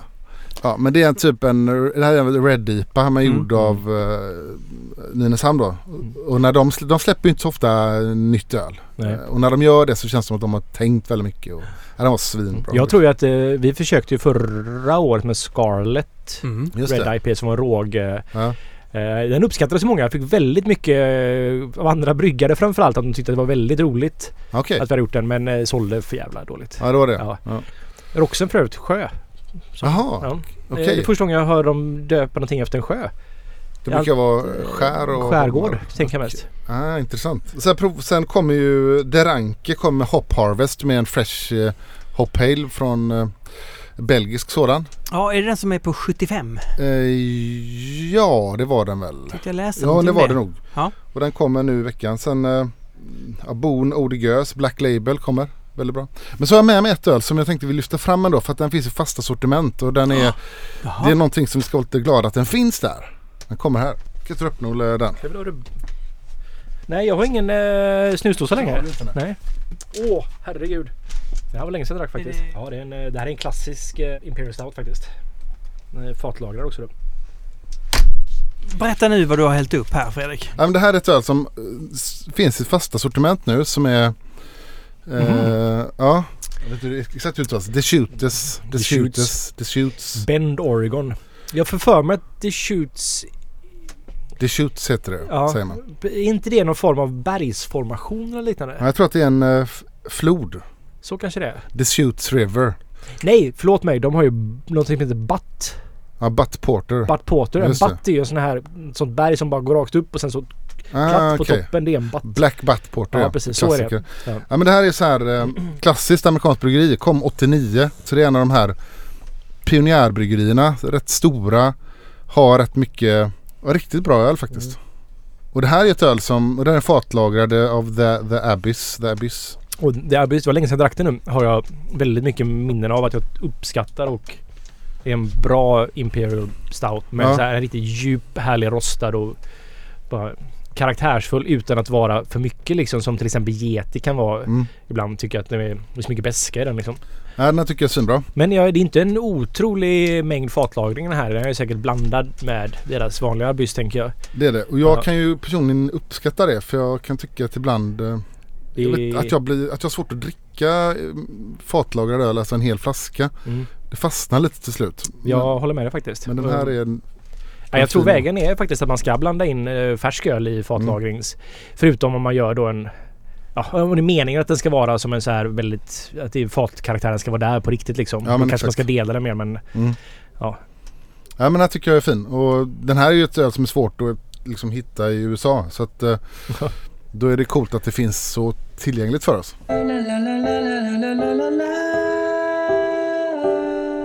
Jo, man har ju uppmärksammat en sak i sociala medier. Det är ju där det händer. Det är där livet pågår. Och det är ju att eh, ditt konto Double Beer Bastard har gjort kraftiga, kraftiga utfall eh, angående Sveriges Bryggerier. Alltså vad, om vi börjar med Sveriges Bryggerier är en, eh, är den, det är en förening eller en Ja. sammanslutning? Ett, ett kraftigt, men så- det är en förening, eh, organisation, förening, jag vet inte exakt vad det är formen för det. Jo men det är en förening som är Först ska jag prata lite gott om det. Det är ju en jättefin anrik gammal förening från 1800-talet som när den grundades på 1800-talet hade 500 medlemmar av så här bryggerier i Sverige. Eh, som helt enkelt var en branschorganisation och den äldsta så här, en av de äldsta branschorganisationerna vi har. Om inte den äldsta. De har gjort eh, supermycket nytta eh, under liksom under 1900-talet och även efter det för de stora bryggerierna. De införde eh, hela liksom retursystemet med, ni vet den gamla klassiska 33 centiliters lättölsflaskan. Dricka backen liksom. Drickabacken som var retursystem. De införde det klassiska konferensknullarflaskan 50 centiliter som finns på varenda stadshotell. Också den i returflaska. Returflaska det också, Mariestad Export, ni vet. Det- Jag gillar den flaskan väldigt mycket. Jag tycker den är väldigt vacker. Nu, nu var han ironisk. Nej, jag, jag, tycker, jag tycker den är, den är fin den här. Okej, ja. Jag gillar just 33an är också fin och jag gillar Vichy-flaskor liksom så här. Men just 50 centilitern är, tycker jag är... ja fan, jag tycker den är jätteful. 33 gillar jag däremot mer. För den är... Men du har så mycket plats för etikett och sådär. Du kan liksom smycka ut det på ett jävligt gött. Jag gillar Ja, den. Jag ja. tycker den är fin. Men de har liksom drivit det här eh, det systemet. Men det har ju börjat urholkats. Lättöl som kategori som drev väldigt mycket av drickabacken är ju död. Ehm, även eh, 50 centilitern håller på och- och dö, eller väldigt många lämnar. Det finns ju inga svenska bryggerier, småbryggerier som jobbar med de flaskorna i princip. Nej, men det är också för att vi har fått mycket bättre återvinning kring glas i allmänhet. Att vi har ju ett glasretursystem där man istället för att tvätta flaskan då smälter ner och gör nytt glas. Ja precis. Eh, och det finns ju... För då, då är det bra att man faktiskt... Det är ju på ett sätt en vinning i det också att man Mm. faktiskt har... Att man inte så här att allting behöver se likadant ut. Ja. Utan det kan vara olika grejer. Men de har liksom gjort massa sån nytta och har varit väldigt bra. Men framförallt, och det är det här som jag lägger till då, för de stora bryggerierna. Det har varit, det har varit deras branschorganisation. Det Och- blev väl det mer och mer. Liksom. blev det mer och mer när Sverige tappade så mycket bryggerier och vi bara hade ett antal bryggeriföretag kvar. Och det är fortfarande de som bestämmer den föreningen som sitter i styrelsen och sådär.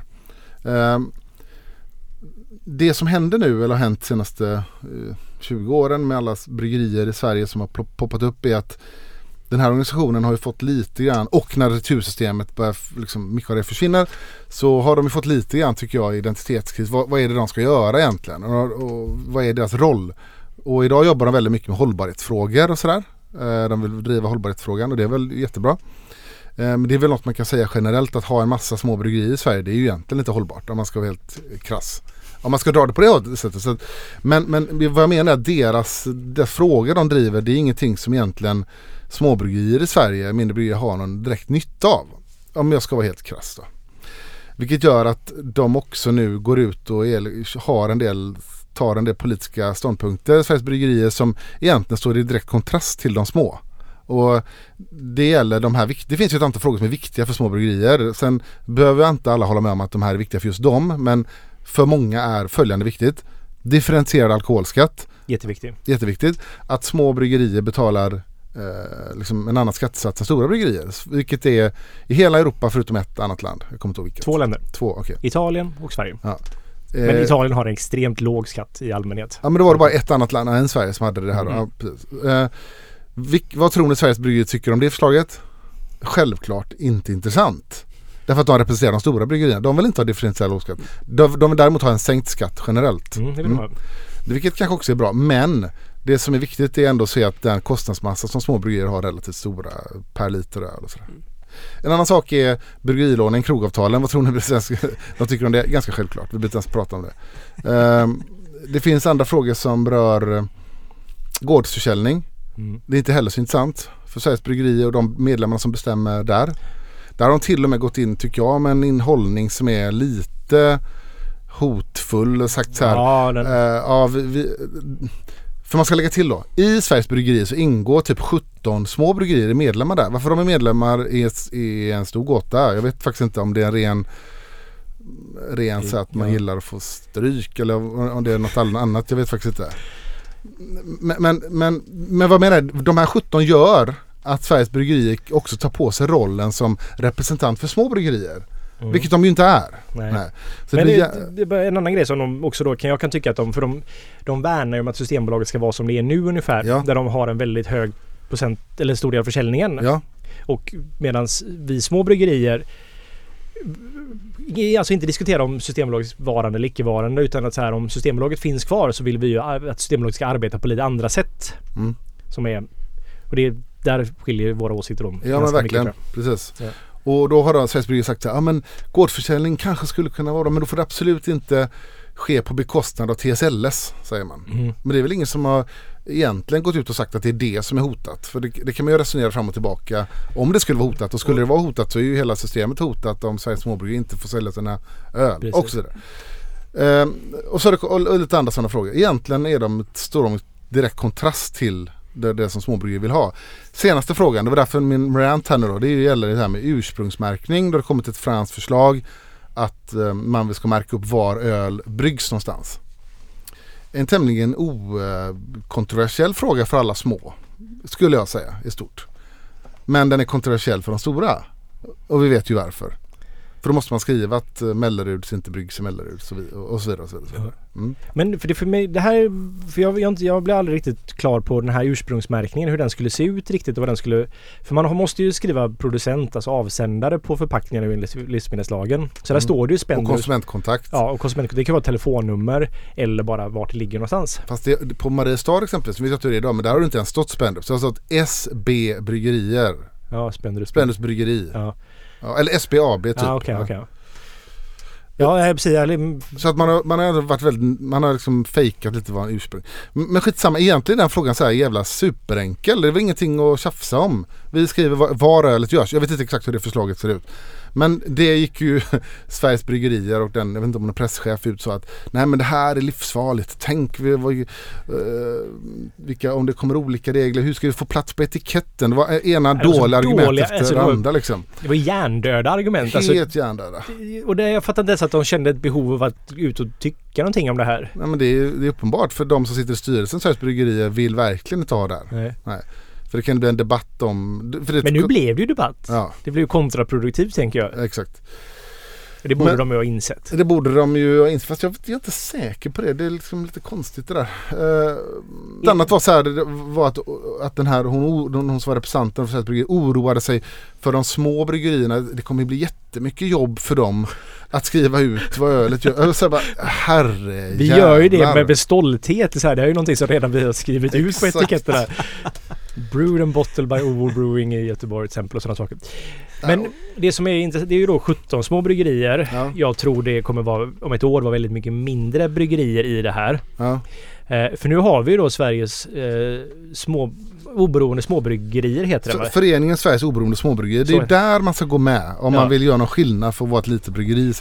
OO är ju en ganska nyblivna medlemmar där. Ja. Eh, vi har snackat och vi har pratat med om att bli medlemmar tidigare men vi kände också att så här, det var en ganska, jag fick väldigt så här jag hade svårt att veta vad de här egentligen gjorde. Och de hade väldigt svårt att förklara det för mig också. Det har varit så. Precis, det är inte så längre. Nej. Så jag tror ju att de, och jag tror ju en del av de 17 bryggerierna som har varit med har kanske varit lite mer i protest då för att de har tyckt att det här var en ganska Mm. Det var inte en förening som funkade för dem. Nej. För att de kanske var lite väl inriktade på småbryggerier. Ja. Och det fanns väl en del bryggerier som ändå hade ganska mycket ambitioner. Ja, plus att det inte hände så mycket förr. Det hände Det, det, har väldigt, inte- väldigt de har inte gjort så mycket men eh, det är en ny styrelse. De, de är väldigt på i flera frågor. Så att det är bra vad de är där. Mm. Och framförallt är det ju extremt destruktivt tycker jag. Där de små som är med i Sveriges Bryggerier. För att bara genom att de här 17, det är ju bara, en- det är en, bara en liten representation av våra eh, plus 400 bryggerier. Men bara genom att de är med där så blir Sveriges Bryggerier, tar ju deras, eh, eller kan utåt sett så att de representerar Mm. de små. Vilket de faktiskt inte gör. När de lobbar i politiken så Exakt. kan de så här maskera då att så här vi även representerar Mm. de mindre bryggerierna.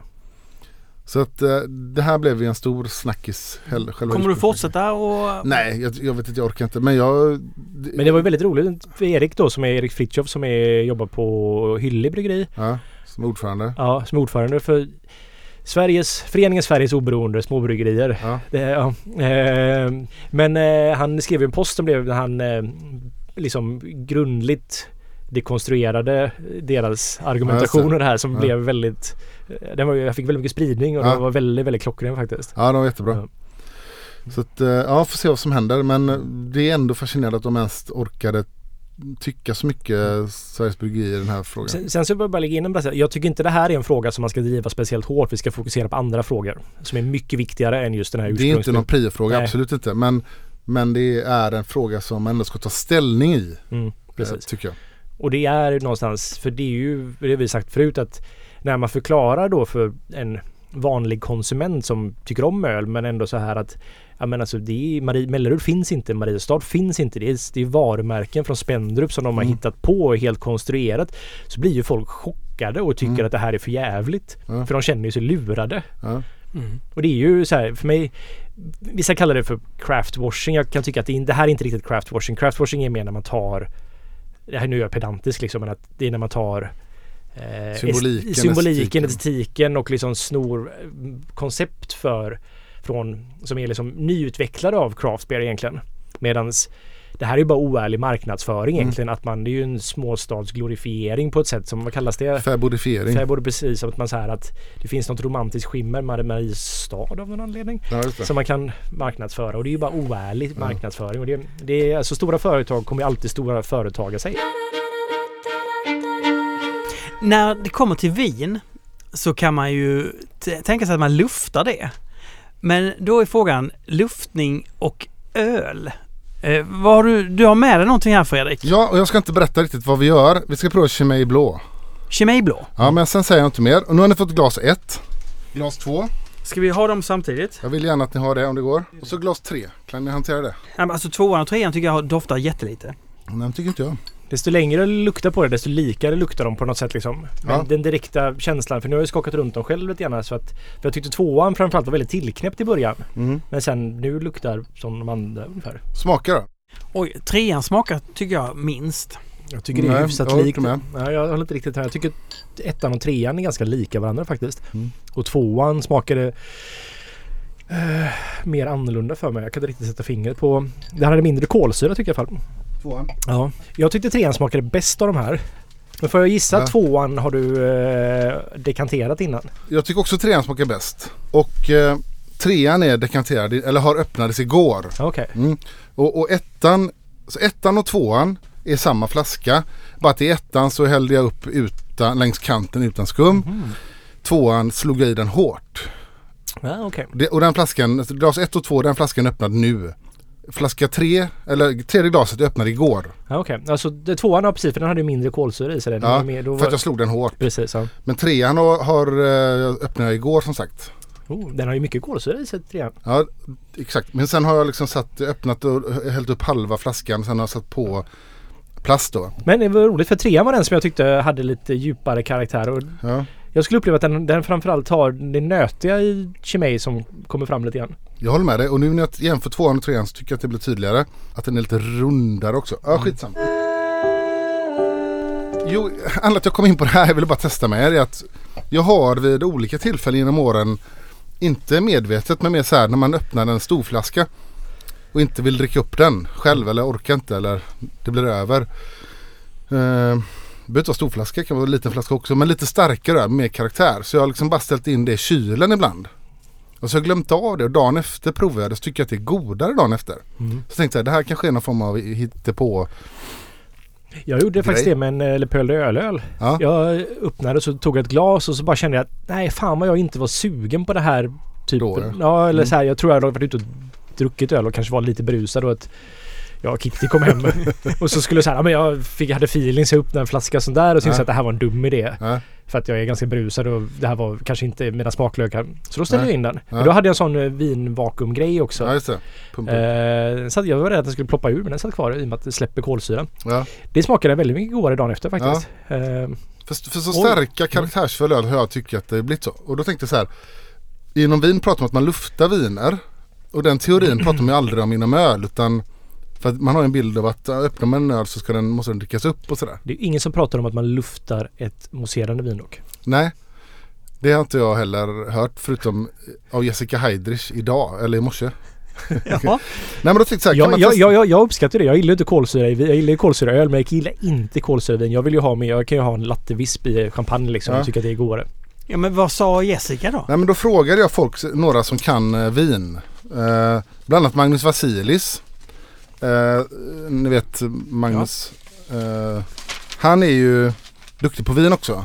Och han skickade mig lite texter från någon så här bok och han menar ju så här, eh, han tror och har läst till att luftning är inom vin är en, det är liksom en myt att vin behöver luftas. Liksom. Tycker han det? Ja. Ja. Eh, att man känner inte skillnad och sådär. Och att det han har läst till är att vin med vissa defekter Mm.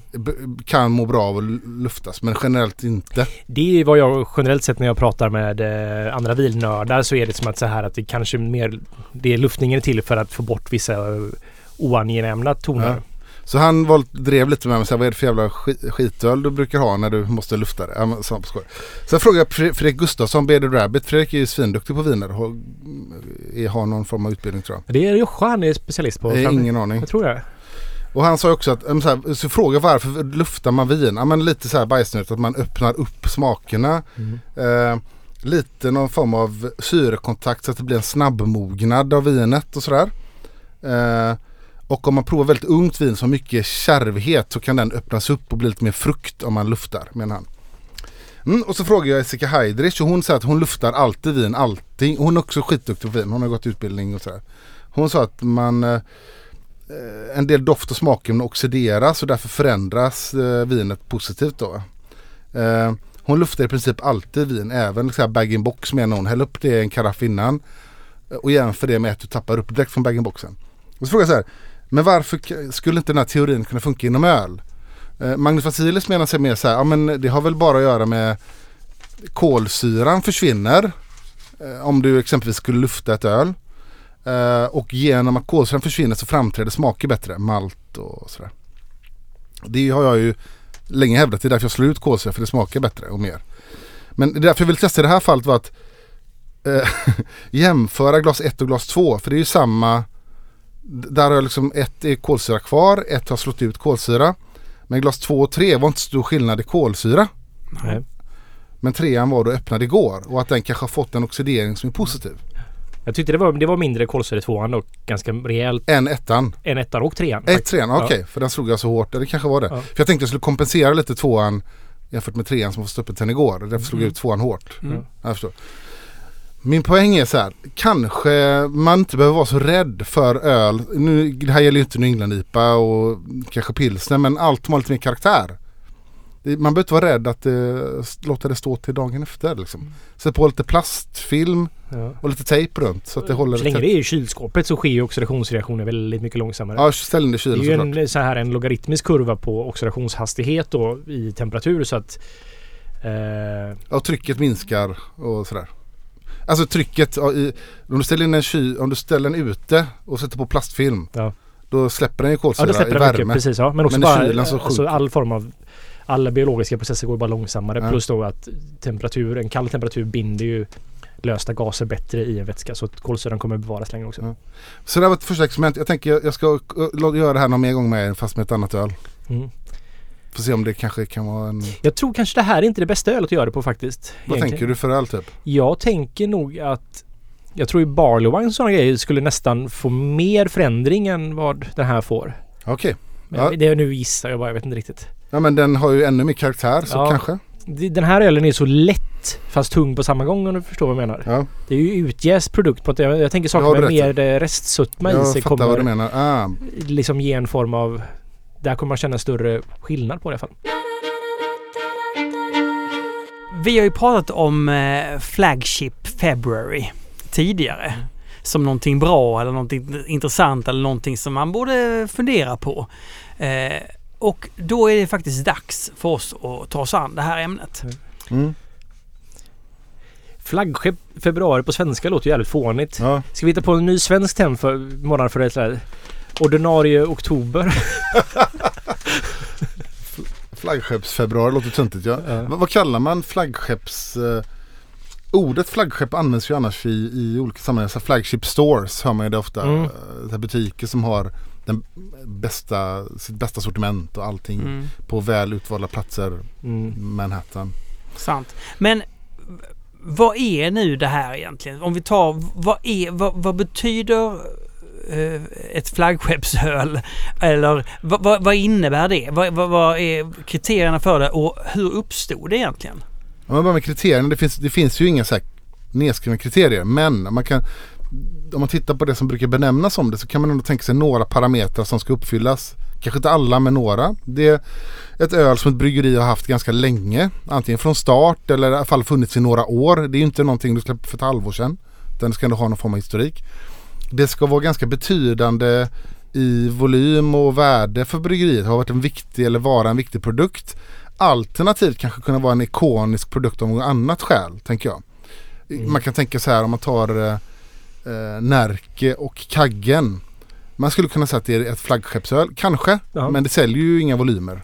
Jag tänker att så här, det här är ju liksom ett ganska löst definierat begrepp. Och Ja. det, om man ser det som ett Venn-diagram så finns det lite olika delar så här att det bara är en stor volym av ett bryggeris eh, produktion. Mm. Det finns en grej att det är väldigt ikoniskt för att det har betytt väldigt mycket för kanske definierat en ölstil. Det kanske har eh, betytt mycket för att få in konsumenter och upptäcka öl. Det varit en Bra poäng, den jättebra dimension. Exakt. och så har man en tredje som är någon form av att eh, eh, den bara har ett stort medvetande hos publiken i allmänhet liksom. Mm. Och så i mitten där då så har man den perfekta flaggskeppsölen. Men alla öl som någonstans passar in i det här Venn-diagrammet är ju ändå på något sätt och vis ett flaggskeppsöl tänker jag. Ja, Smart analys, skitbra. Och tar man exempel Sverige, det skulle kunna vara Golden Ale från Oppigårds. Mm. Nils Oskar God Lager. Eh, Bedare Bitter. Örebro Bitter. Måsen Stigberget. Eh, Naranji. Mm, ja, Pi- ja, Pivot Pils. ja. Eh, inte, de är ju, då, de är, där har vi då inte då perfekta flaggskeppsöl på det Nej, sättet. Nej. Utan må, men måsen är ju definitivt det. Mm. Måsen är definitivt det och de andra är mycket mer det. Ja. Eh, Nej, men, och, och det här ordet då, Flagship February, det börjar väl som en, eh, som en hashtag eller som en tweet också. Som Steven Beaumont, en kanadensisk ölskribent, eh, kom på det här. Eh, så jag mejlade lite med honom. Jag hade kontakt med honom för, för massa år sedan när jag skickade svensk öl till honom och Michael Jackson. Han är ju en av de, om man ska lista så här tio betydande ölboksförfattare så är Steven Beaumont en av dem. Han är stor i Kanada eh, och Nordamerika då. Det var han som myntade begreppet för han hade blivit lite inspirerad av flaggskeppsölstanken och så tänkte han att om man gör någonting i februari så han skapade Flagship February. Fast han gjorde det kanske inte, han, det lät lite som att, väldigt, vad roligt det var att läsa hans svar för han Ja. var väldigt välartikulerad och eh, tänkare inom öl känner man väldigt tydligt. Men att, det jag fick också känslan att lite, han gjorde det här lite som att vi testar och så var han inte riktigt med, han trodde aldrig det här skulle bli Nej. en grej. Nej det blev en grej mycket snabbare än man trodde Ja. också. Och Han folk- ville väl kanske bevisa en poäng att det fanns han ville bara föra ett litet narrativ och så ja, var det faktiskt många som knöt an till det. ja men exakt. Ja. Och, och lite grann varför han gjorde det. Och det var ja, lite som du sa att så här, att inte glömma de ölen. Lite grann, man säger ganska ofta de här ölen som fick oss hit vi är idag. Eller så, de här ölen som fick mig intresserad eller dit jag är idag. Eller att trots att det kommer väldigt mycket nytt och spännande så betyder ju inte det att de här gamla ölen är dåliga. Eh, liksom, lite så. Och han känner väl att det blev väldigt mycket så här jakt på nytt. Liksom. Och låt oss inte glömma klassikerna som är väldigt viktiga för på olika sätt för bryggerierna och för egentligen kulturen och sådär. Man ska inte glömma sin historik, var man kommer ifrån. Det är Men- ju lätt att göra. Det låter som ett utfall av nostalgi också. Jag vill ha kvar det jag en gång hade. Det, jag skulle säga det är en ren och skär motreaktion på ett sätt. Mot det nya, nya, nya. Ja, precis. Det här med att alltid söka nya, nya, nya, nya, nya. Mm. Som... Och... Det finns ju en poäng i det. Det, är klart, ja, precis. det är klart det kan finnas något, eller det finns ju någon, en dimension av nostalgi det, i det men ändå inte. För jag tänker så här, om man skulle dra det nya, nya, nya till sin extrem då finns det ju egentligen inte plats för eh, det finns ju liksom ingen historik att ta hänsyn till nästan egentligen heller. Då är, då är ett bryggeri som Nynäshamn skulle kunna lägga ner. Skulle, eller vad, skulle de, vad skulle deras roll vara liksom, egentligen? Jag tycker att det finns, eh, det är inte bara nostalgi, det är någon form av bas också i lönsamhet för bryggerier. Det är väldigt mycket och här då så vad det betyder för bryggeri så är det ju en säker inkomstkälla. Som skapar en, när det kommer till mikrobryggeri då eller hantverksbryggeri att en flaggskeppsöl då till exempel som Måsen för Stiberget eh, ger ju en ekonomisk trygghet i att utveckla nya sorter också liksom. Att, Mm. så här, att man kan Sen så skulle jag ju säga att styrkan med hantverksbryggerier är ju att eh, man behöver inte ha en flaggskepp, man kan vara en liten producent. Och det ska ju få lov att finnas också. Men det skapar ju den här hysterin kring att hela tiden göra ny öl för att det kanske, när man startar då ett mikrobryggeri så- eller hantverksbryggeri så är ju det här att man vill man vill testa att brygga massa öl. Och då gör man massa ny öl hela tiden. Och så tyckte konsumenten att det här var roligt. Ja. Men det tog över lite för mycket. Så stora bryggerier som... Alltså när man... De har ju startat som små. Och så har de kastat spaghetti på väggen. Mm. Och vissa har ju då fastnat. Och de har ju blivit deras flaggskeppsöl. Mm. Och har, de har ju växt med det här och blivit större och större och större. Och det har ju varit det som drivit då... Eh, vad ska man säga? Eh, tillväxten egentligen. Och det är liksom skapat ekonomi. Det har också gjort att de kan utveckla kvalitetsprogram, göra hantverksöl mycket, mycket bättre och konkurrera med de stora. Liksom ta fighterna då, framförallt i USA, på liksom även i supermarkets och flygplatser och liksom så här lägga lite marknadsföringsmuskler. Vilket har gjort att craft beer också har spridits på ett sätt som är vi ska vara väldigt tacksamma för. ja, absolut. Så det har skapat då incitament eller så här liksom möjligheterna för att det här ska ske. Och sen så i USA då tänker jag så här, där, det som hände där var ju att när öl blev så stort som det blev så blev det väl att, som det alltid blir, att oj, här kan man tjäna pengar. Då investeras det jättemycket pengar. Mm. Men ingen, ingen satsar ju ett 100 miljoner på att starta ett hantverksbryggeri innan man har fått en. Så det man gör då är att man lägger pengar på en bryggpub eller en liten produktionsbryggeri. Och så det de, de gör då innan, de börjar kasta spaghetti på väggarna igen. Och när det blev en sån boom av så många bryggerier Mm. och alla kastar spaghetti på väggarna så blir det ju en enormt utbud av nya öl. Mm. Och där hamnar vi i någon konstig liksom så här Alltså i programmering så har man ju infinite loop som det kallas när man då kan koda in sig i en loop då som bara går om och om igen. Mm. Där och så finns det ingen som bryter loopen. Mm. Så man hamnar i en infinite loop. Det är en misstag man gör. Mm. För då bara fortsätter den gå där. Och det kändes lite som att vi hamnade i den infinite loopen. Haze can-loopen. Ja men lite så att det bara skulle vara nytt, nytt hela tiden så här för att bryggerier kunde göra det. Så att konsumenten blir vana vid det och började liksom Ja. Så jag tänker motreaktionen kommer ju väldigt mycket mot det då helt enkelt. Ja, det, och det är ju grund och botten att det faktiskt kom in massa nya pengar i öl. Ja. Som kom in tack vare att flaggskeppsölen hade gjort att folk insåg att det fanns pengar. Just det. Och här är det ju en, det är liksom så här, det är en form av ekosystem det här som ska Mm. finnas i balans. Ja. Liksom, som de pratar om i Star Wars, liksom, alltså allt så här, the force must be in balance. Mm. Och det är lite samma sak tänker Ja jag. men faktiskt. Och nu tycker jag, vi, vi hänvisade tidigare till Bear News frågor till eh, bryggare och sådär. Det var en, en fråga som kom in på, upp på det. Det är också flera där som har sagt, eh, har ni tänkt på det? Det här med att de är lite trötta, vad hoppas man? Ja, men, lite lugna ner den här nyhetshetsen liksom. Mm. Och, eh, och lite grann satsa mer på klassikerna och sådär. Och vi har ju fört det narrativet i Ölpölen också. Att Ja. vi faktiskt eftersträvar det här för att det handlar om att hitta en balans i det här tror jag. För jag tycker så här, man kan lätt säga att det är nostalgi. Men, men min poäng är så här att så länge, om man tänker så här, det ny, om det nya det nya skulle generera också ny typ av öl hela tiden. Då finns det ju väldigt lite negativt i det. Det är väl superbra men fast det är ju bara att titta faktiskt vad som har hänt senaste åren. Det är ju inte en ny typ av öl som kommer. Det är en ny, nytt namn, nytt label på ett befintligt typ av öl. Och eh, det är klart att det kan vara intressant och kul men om det blir, som Olle var inne på, om det blir så obalans i det då kommer vi ju tappa väldigt mycket av eh, vår historik och de ölen som är grunden för att en del bryggerier ens finns till faktiskt. Jag tänker att en stor eh, positiv grej med, med att ha ett öl som man har haft länge. Det är att man har kunnat utveckla det i långsam takt och lärt sig hur det här ölet fungerar och hela tiden kunnat förbättra det, förbättra det ständigt, ständigt, ständigt. Det, det finns något oerhört värde i det. Eh, att när man förvaltar någonting men också utvecklar det så blir, får du en otrolig kvalitet. Mm. Det tycker jag är ett ganska Ja. starkt ar- argument för.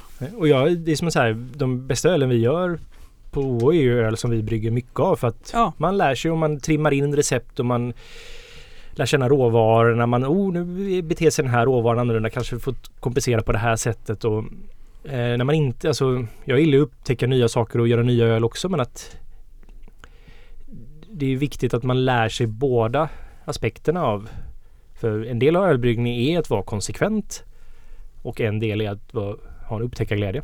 Mm.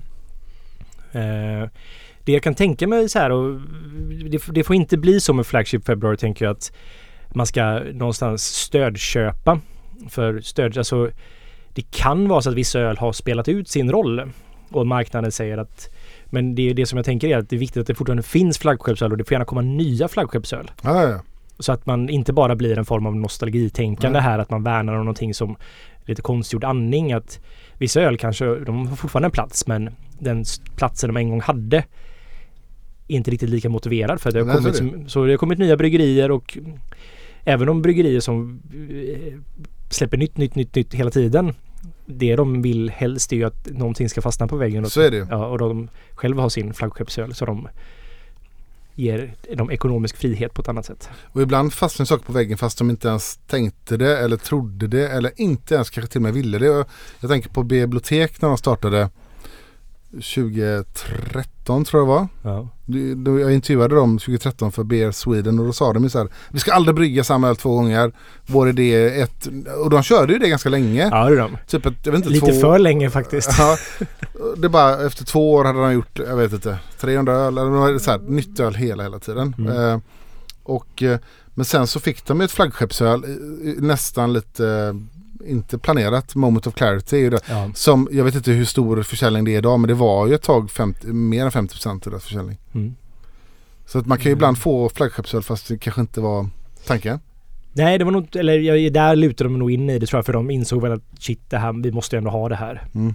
Och där hade de ju ändå börjat med Bobeck Citra och sådär att de kallade det nummer två. Just det. Men de bryggde den om och om igen då så att de, de hade ju liksom så här Nej vi ska aldrig brygga samma öl igen utan sen så var det så här att Fast vi kan väl brygga nummer två igen. så de sa ja men då kallar vi nummer två så att vi så här Att de ändå så här har en form av Ja. Att de kommunicerar att det här kommer i ordning och att, Mm. så här att då brygger vi nummer, om nummer 300 vill uppskattas så brygger vi den igen liksom. Mm. Vi kallar inte den för 400 trots Ja, att det, nej. Så där tror jag de, så här, de lutar sig in mer och mer i det hela. Ja, det. Och det är ju så med storlek så blir ju, alltså när man är liten så är det nog lättare att egentligen inte ha en flaggskeppsöl. Eh, när jag började jobba på Stiberget så fanns ju pilsnern. Det var ju det som vi bryggde framförallt mest av. Sen så efter det så kom ju elefantipan. Nu var det ju ganska liten produktion på den tiden men att så här. Det var ju först när vi började liksom experimentera med mer grejer som bryggeriet utvecklade sig. Hade vi bara fortsatt brygga pilsner så hade det kanske inte aldrig hänt riktigt. Där var ju Nils då väldigt bra genom att in, han lät ju bara vi oss göra vad vi själva ville för egentligen.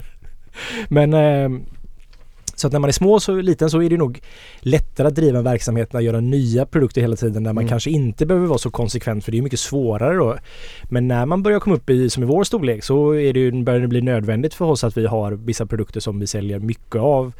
För att det är så här när vi beställer ingredienser idag.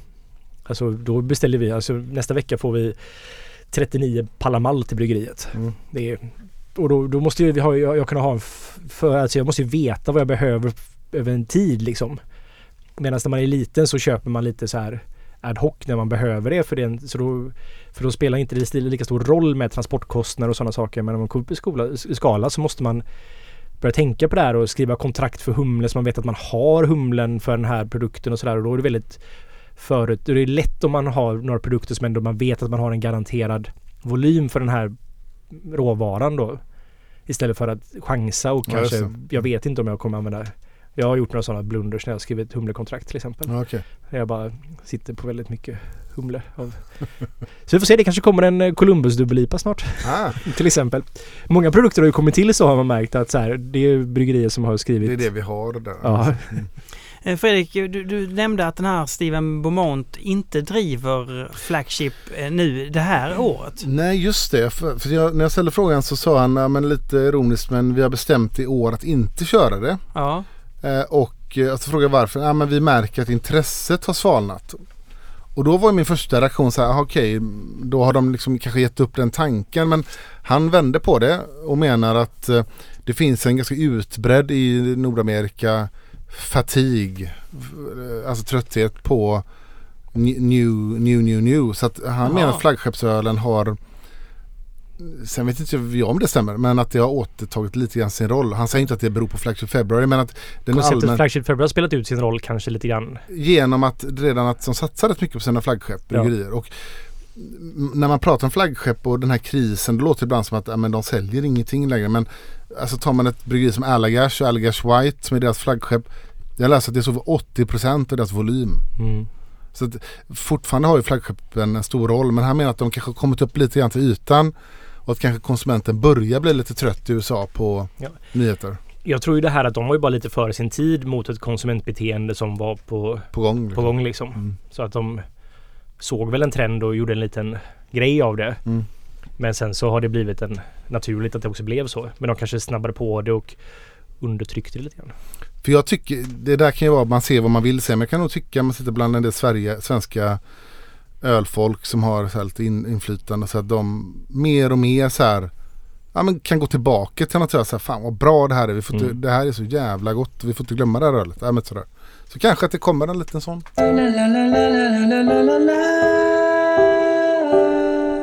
Sibsta eh, undrar om öldrinkar. Vilka har ni provat? Någon som ni gillar? Eh, jag gillar en öldryck. Va? Eh, drink väldigt mycket faktiskt. Gula Äng... Eh, Black Velvet. Ja, ja, champagne och porter. Precis. Champagne och porter. Ja, eller mousserande bubbligt med porter. Det är faktiskt jävligt gött. Black, det hade jag glömt av för att jag skulle ju säga att jag dricker alla öldrinkar. Inte för att jag inte tycker det är kosher eller något. Men jag bara, eller kosher men det, det blir inte av bara. Men, men Black Velvet är gott. Ja, det, är- det, för det Jag kan tycka att jag har ju druckit jättemånga öldrinkar för jag, som jag känner som är riktigt duktiga bartenders gör men det är en god drink som inte riktigt så här i en drink så här så kan jag säga ah, det här har Vermont i sig det här och det här. När det är en bra öldrink så är det så här jaha har den öl i sig? Då är det lite så här poänglöst på ett sätt. Då är det liksom det andra som är konstverket eller liksom det konstnärliga i det som har gjort att det blivit gott. Jag har druckit en, fan, jo det var i Danmark på um, det stället som, um, som kiosk har. Eller bredvid kiosk. Så finns det en bar Restaurangbar. som är Aha, rabarbar, rabarbar, Mm. okej. rabarbabar tror jag det heter. Ja. Eh, där gjorde de en, en på Narangi där det fortfarande smakade väldigt mycket Narangi faktiskt. Det var väldigt gott. Jag har ingen aning vad de faktiskt gjorde med det riktigt. Men Var det den baren vi var på när vi var nere på Surölsfestivalen på natten? ef- Efter... Jag tror vi var inne och drack någon äkta pilsen liknande. Exakt, ja. Ja. det var det stället. Fast nu har de flyttat till andra sidan gatan på en hörngrej som var en så här ganska klassisk eh, gaybodega för mig det var där. Okej. Eh, sport och gaybodega har för mig det var. Gaybodega. Eller om det var på 80-talet en gaybodega sen blev det sportbodega. Så. Gaybodega är ett roligt ord faktiskt. Ja men eller så här, men okej men... Ja, men för när de rev väggarna och sådär så hittade de så här, bara, oh herre jävlar vilka målningar det var här inne. Okej. Men eh, jag kan verkligen rekommendera stället, jättebra mat också. Domherre undrar om vissa humlesorter passar bättre i pelletsform jämfört med kottar. Vad är fördelarna och nackdelarna med pellets respektive kottar? Finns det idéer vad ni vet kring att förbehandla humlen på något sätt för att nå nya smakdimensioner? Mm, eh, Okej, kottar jämfört med pellets. det är ju en skillnad. Du får ju... Du får en annorlunda... Alltså pellets är ju liksom kottar som är pelleter, pellete, pelleterade helt enkelt. Mm. Så kottar är ju att det balas ju först och torkas. Eller torkas, sen balas det. Och av balarna så kan man ju få då en utskuren bit som är kottar helt enkelt. Och så, eller så pelleterar man de här balarna. Och när man, då blir det ju en enorm påverkan för man slår ju sönder. Det är som att hacka krydd eller så här liksom Alltså persilja, basilika, allting. Du gör ju ändå någonting med Alltså det händer ju någonting. Du frigör ju massa grejer så att om du låter hackar det här för tidigt till exempel när du lagar mat så kan ju mycket försvinna. Du har ju, de tappar sin form för att de blöder ju ut i stort sett liksom. Så det är lite samma med så pellets är ju processerad ytterligare en gång och ja, du förlorar någonting i det. Men du vinner ju så otroligt mycket mer i smidighet. Att det är ju jävligt jobbigt att hålla på med kottar. Det tar mycket, mycket mer plats i kok eller i jästank. Det suger upp mycket, mycket mer vätska. Pellets är ju väldigt smidigt att använda.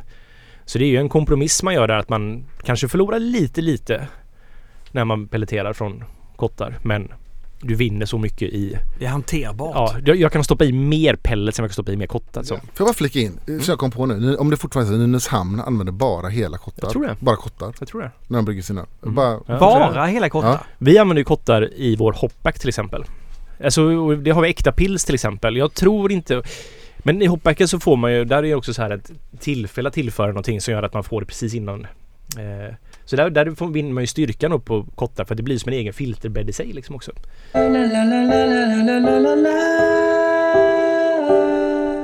Meister undrar. Är det verkligen så härligt mysig stämning i hela bryggarcommunityt som det fanns då på mässorna? Finns det inte bryggerier som avskyr varandra? jo. Skvaller tack! Kommer inte komma med något skvaller men ja herregud det finns det. Det är, det är en jättemysig stämning i bryggeribranschen men det är också en... Alltså vi är ju konkurrenter också. Sen finns det bryggerier som inte kommer överens alls liksom. Så är det. Mm. Ja, och vi får inga exempel. Nej det får vi inte. Det vi får inte. Det är... Det är Nej. Men nej. finns det här Det i är Göteborg? Patreon, de som är Patreons får ju det. Ja. nej det får du inte får en lista. Nej det finns ingen poäng att eh, vädra sådana saker. Det är, det är alltså det är ju ofta ganska stora personligheter som håller på med öl ibland och alla funkar inte alltid med varandra och sådär. Det är som det alltid är liksom.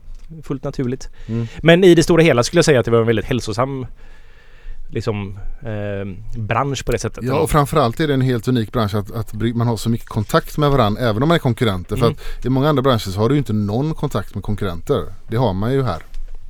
Precis och det ju, finns ju bryggerier inte jag kommer så jävla bra överens om med liksom. Men det är ju mer på ett personligt plan men vi har fortfarande en professionell relation som jag uppskattar och liksom ja, värnar om liksom.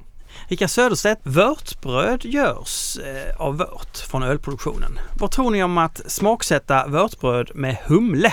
Skulle det kunna bli bra? Det här har jag eh, faktiskt provat någon gång. Humlebröd. När gjorde jag det? Det var inte så länge sedan. Säg det, säg det. Mm. Det var ganska gott det för mig. Sigosaurus rex. Kändisöl. En känd människa som lägger sitt eller sina namn på en etikett. Ofta är det mer ett sätt att pro- prom- promotera sig, men i vissa fall är det faktiskt bra. Robinsons Trooper och Motorhead Road Crew är ganska stabila brygg. Vad tycker Olle om dessa typer av samarbete och om tvungen? Vem skulle han göra en kändis collab med?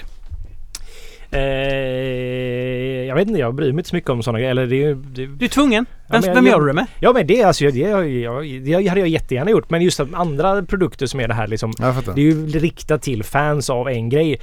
Och hade det kommit en FX Twin-öl så hade jag ju såklart köpt den liksom. Och- det är det du hade gjort själv också? Eh, jag tror det. Eller det är nog det jag helst hade velat. Alltså, nej, fast samtidigt vill jag inte göra det för det hade ju varit det hade varit så fel också på Vad samma hade det gång. varit för typ av öl då? Eh, jag vet inte. Alltså, en med stor, stor stark. Öl. Men du, där är väl va- varumärket O Brewing inte riktigt kompatibelt med Nej. att göra en sån? Men, eh, nej, men alltså det är ju en spännande idé för att eh, alltså även om det är min favoritartist så tror fan jag hade köpt den ölen. Jag hade skitit fullständigt hur den smakar. Jag hade ändå köpt den en gång åtminstone bara för att jag... Mm, mm. Och det är ju så här, det är ett väldigt smart sätt att sälja en produkt på. Är det inte det? Ja, jo. Ja. Eh, och du då Fredrik? Vem hade du? Om jag skulle göra en collab med någon. Ja. För det var någon, måste det vara någon som lever eller? Ja, En tributöl då helt enkelt. ja, det kan det också vara. Ja då hade jag gjort en ett, Tommy Bowlin. Tommy Bolin. Rödvinsfatlagrad eh, barley wine som Vadå, Tommy heter... Bolin? Så, ja, vänta lite, som heter ehm, Sweet Burgundy. Ja, Mm. Tom, Tommy Bolin, den karaktären, ni vet, Ja är ju hämtad från världens bästa gitarrist Tommy Bolin som eh, spelade, en, en så här, han dog ju när han var 27, heroinöverdos, men innan det han har ju spelat in så här jazz fusion-plattor med Billy Cobham och Alphonse Mouzon. Han var med i Deep Purple och sen släppte han två soloplattor som är eh, det bästa som har gjorts. Han är så jävla cool och eh, snygg och ja, han är bra. Alltså, och så en sjukt bra gitarrist, egen stil. Så där. Linquistadoren. Vad tänker ni om privatimporten från Tyskland? Såklart framförallt då från södra Sverige där man i princip sparar pengar redan när man köper fler än 8-9 flak billig öl jämfört med att handla hos Gröna Skylten, alltså Systembolaget. Eh, Då är även biljetten över bron och färjan inräknat i det. Jag fattar, vad är det vi ska tycka? Om, om det är en bra Eh, grej eller? Vad tycker vi om att folk åker till Tyskland, köper väldigt, väldigt billig öl? Eh, Ja just det. Ja, men, mm, det som är lite- Det finns ju en aspekt av det som är, är sjuk. Det är när man åker över och köper eh, svensk öl i Danmark och Tyskland och åker tillbaka med det. ja. Det är något, jag, jag kan väl förstå att man gör det. Men det är, ju- det är något bisarrt över det. Nej, vad tycker jag? Tycker väl inte så mycket om det. Fast jag vet inte, sen så, och bara folk som så här, det, det viktigaste för dem är bara att känna att de sparar pengar. Mm. Det är en så här personlighetstyp ibland som bara, alltså, åh jag kan spara pengar genom att handla där men du dricker ju inte. Nej men jag kan spara pengar ändå om jag skulle Mm. börja dricka till exempel. Så köper jag massa öl där nere. Mm. Så att, och det är ju någonting, det kommer alltid finnas liksom. Norrmän åker ju till Sverige för att handla billigare alkohol och vi åker till Danmark och Danmark åker till Tyskland och Tyskland åker till Tjeckien. Mm. Och, så här, det kommer ju alltid bara... Det blir alltid billigare någon annanstans. Nybyniss for lovers undrar eh, hur är skillnaden i brygg och jäsningsprocessen mellan en säsong från exempelvis Belgien som ofta smakar rätt mycket jäst och kryddor mot exempelvis modernare amerikanska säsong som drar mycket mer åt det syrliga hållet och med mer modest jästsmak. Eh, det är ju nog att de som amerikanska han tänker på är i sådana fall mixed fermentation saison så att de har brett och någon laktokultur i sig. Medan de belgiska traditionella är ju rena saisons på det sättet som DuPont och Deranke och Glassentoren. Ja, Glassentoren. Ja, precis. Ehm, Men det är så här att de är, det ju bara saisongäst och jag tänker ju så här, där är ju Della Sen också har ju deras öl är ju inne i saison-territoriet med sin gäst och sådär och det som de belgiska bryggerierna gör är att de har ju en ren Alltså en ren Saccharomyces-kultur och de ger sig ju varm som fan. Jag var ju på DuPont för inte så länge sedan och tittade på deras jättegrunda inbyggda i väggen då så de är inte öppna öppna men de är ju alltså stora jäskar men de är fyrkantiga så här brittisk stil Yorkshire squares liksom. Men eh, de var uppe i 30-35 grader och jäste den ölen. Du, längtar inte du efter sådana jäskar? Ja, det hade varit jättefint att ha. Men så att de får ju, och det var ju hela De, De La Sens grej också, att de jäser också då i det är ju stängda jästankar men de simulerar ju upp en jäsning så mycket och att man, jag vet inte vilken temperatur till exempel De Sen jäser i men att det var ju ändå hela poängen som Evander Bates snackade om där var att den här gästen som de använder så jag inte vet inte vilken gäst det är, det vet ingen vilken gäst det är men jag skulle gissa att den är en väldigt torr utjäsande med ganska mycket belgisk karaktär ändå. Att de behöver ha de får inte ha något så här statiskt tryck på sig av liksom det, vätskan som om man har en lång smal hög jästang så blir det ett ganska högt tryck på av vätskenivån bara liksom. Mm. Eh, Det är ju 0,1 bar per meter i. Så när man har dykt ner till 10 meter så har man ju ett bars tryck helt enkelt och det är ganska mycket tryck ändå. Ja. Eh, nej men så, så det, medan amerikaner tror jag mer gör det som att så här De, det är vanligare med mixed fermentation Ja, och att eh. Det finns ju rena också då men att då väldigt ofta så kanske de jäser rent från början och sen lagrar på vinfat eller foder och liknande då med en blandkultur helt enkelt. Och då tar det mycket längre tid också. Medan en saison är ju Alltså den är ju säkert på bryggeriet i två veckor. Sen så får den flaskjäsa säkert en två veckor också så att Två veckor i tank, två veckor kanske på flaska och sen så är den ute på marknaden.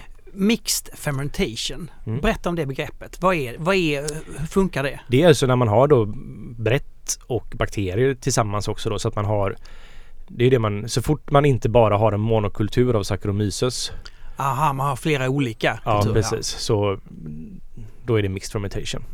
Craft Beer Testing Swede. Varför är allt bier så ovanlig på bolaget? Är denna stil liten globalt eller bara i Sverige? Den är nog liten globalt. Det är nog lite globalt också. Det är väldigt eh, så här lokal Düsseldorf-grej. Kan vi börja med, är den god? Ja. Ja det är gott. Ja. Det är godare än vad Kölsch i alla fall. ja, det är, mycket, det är betydligt godare än vad Kölsch är. Och vad, vad kan man säga, det är en lager? Nej, Det är inte en lager, det är en ale. den är tysk ale men som också är rätt så här jäst, relativt kallt för att vara en Mm. ale. Aha. Eh, torr, ganska hög beska, brun. Brun färg. Ja. Det finns ju, jag visade en bild en gång Martin, det är ju den här Det är ju Alltså det är ju Köln mot Düsseldorf Kölsch mot allt bier. De är ju så här, det är ju nemesis på något sätt. Ah. Och vissa saker kan ju bara existera när det finns en nemesis, typ som mild och bitter. Mm. det är så här dualitet som så här, den ena Ja. makes no sense om inte den andra finns där. Och det är lite så lite med Kölsch och allt blir. Är det den bilden med en häst dricker. Altbier och kissar Kölsch? Precis. Okej, men, men, ja, men det, det vill, sid- ni, vill ni se mer Altbier på bolaget? Eller? Ja, det finns ju den. Imperial Altbil som ändå är, så kommer det en patentkorkflaska. Men, och det finns ju do- dubbelsticke Ja, och den enkla också. Men den kommer är- inte in så ofta. Nej, Men det är ju vår finska importör har skickat den till mig några gånger för han älskar den här ölen. Vi går över till ölrecensentens eh, intressanta. Eh, att köpa Narangi som folköl är dyrare än att köpa den fullstarka från Systembolaget. Eh, åt, åtminstone på de online-ställen jag har hittat. Med tanke på skatteläget är det märkligt. Hur ska vi göra för att kunna få fin, fin folköl till bra priser? Eh, det kanske stämmer. Eh, ja den blir nog, alltså vi säljer den för 35 på OO-baren men det är för att det är på en bar som behöver ta Ja, ja. ut sitt påslag också. Ja, ja. Säljer vi den från vår, eh, liksom direkt från bryggeriet så kommer den vara billigare. Det har vi ännu inte gjort faktiskt dock. Men Alltså jag vet inte, alltså skatte, skattesatsen är samma på 3,5 som för starköl. Jaha. Allt över, eh, ja jag trodde det var det men eh, tydligen så är det det. Men Att- skattesatsen är samma men det blir ju ändå olika. Ja, det är ju lägre Summa. skatt för att det är så här, jag tror det är 2,02 gånger liter och volymprocent. 2,02 gånger liter och volymprocent. Ja, så att en 3,5 då blir ju, ska, skatten på en 3,5 är 2,2 gånger 3,5 gånger 0,33 helt enkelt. Då får man ut så mycket alkoholskatt man, eller av priset på en öl helt enkelt. Men så det kan nog stämma. Alltså Systembolaget har ju 19% påslag. Det är extremt lite. En webbshop eller sånt så här har ju förmodligen mycket högre påslag. Och, och vilket, var, var det här priset på folköl, var någonstans hade han hittat det? Eh, de online-ställe. Aha, förlåt. Och det är nog bara glasbanker tror jag Ja, som då, är... de lägger på mer då. Oj, alltså privata alternativ blir dyrare. Oj, oj, oj. Nej men det är väl helt naturligt att det är så. alltså en krog har ju, vad är det, fyra till fem, Ja. fem gånger påslaget på en produkt. Men, men är det inte så med en folköl också eh, att man kanske måste putta i mer ingredienser för att få en, en potent eh, Narangi? Så måste du liksom maxa den mer, att den kan bli dyrare på ett sätt i tillverkningen. Lite så faktiskt. Vi använder faktiskt mer cryo i Narangini som den heter då, folkölsversionen. Ja, Eh, för att vi inte med, för den har ju mindre, den har ju mer arom och mindre alltså massa som är liksom växtmassa som kan bidra med andra smaker också som jag kan tycka är ganska, det vill man ju ha liksom i en IPA för att få lite motstånd sådär. Men att i någonting som är så tunt som en 3,5 så tog vi då lite mer cryo och mindre pellets. För att få mer arom och mindre alltså bara Växtlighet. växtmassa i ölen helt enkelt. växtmassa i ölen. Det är första gången jag hör det. Ja. Hur mycket växtmassa har ni i den här ölen? Ja men alltså en, så vi kunde minska antalet kilo liksom växter vi hade i ölen helt enkelt.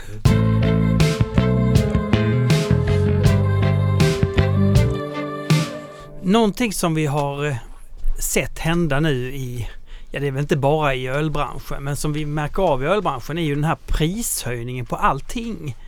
Alltså det, det blir dyrare med burkar, eh, etiketter, frakt, keycakes, stålfat. Allting blir dyrare. Eh, vi, vi skulle handla glas nu på Stigbergs. Glaspriset har gått upp. Eh, jaha. Det, och det kommer nog bli mer skulle jag gissa. Vi har ju typ inflation just nu som är i USA har man ju kraftig inflation och här har vi också en ganska och jag kan ju, jag kan ju bara känna, för mig känns det som att inflationen är högre än vad den Det här är jag ingen ekonom så jag vet inte skillnaden på reell och mätbar inflation eller vad det är. Men jag tycker det känns som att vi har högre inflation än vad som datan säger att vi har. Men eh, saker har gått upp jättemycket i pris för oss och det är ju det är lurigt det där. Ofta så sker ju det kring årsskift då att man får en ny humleskörd. Maltpriserna går upp med 15 procent eller liknande.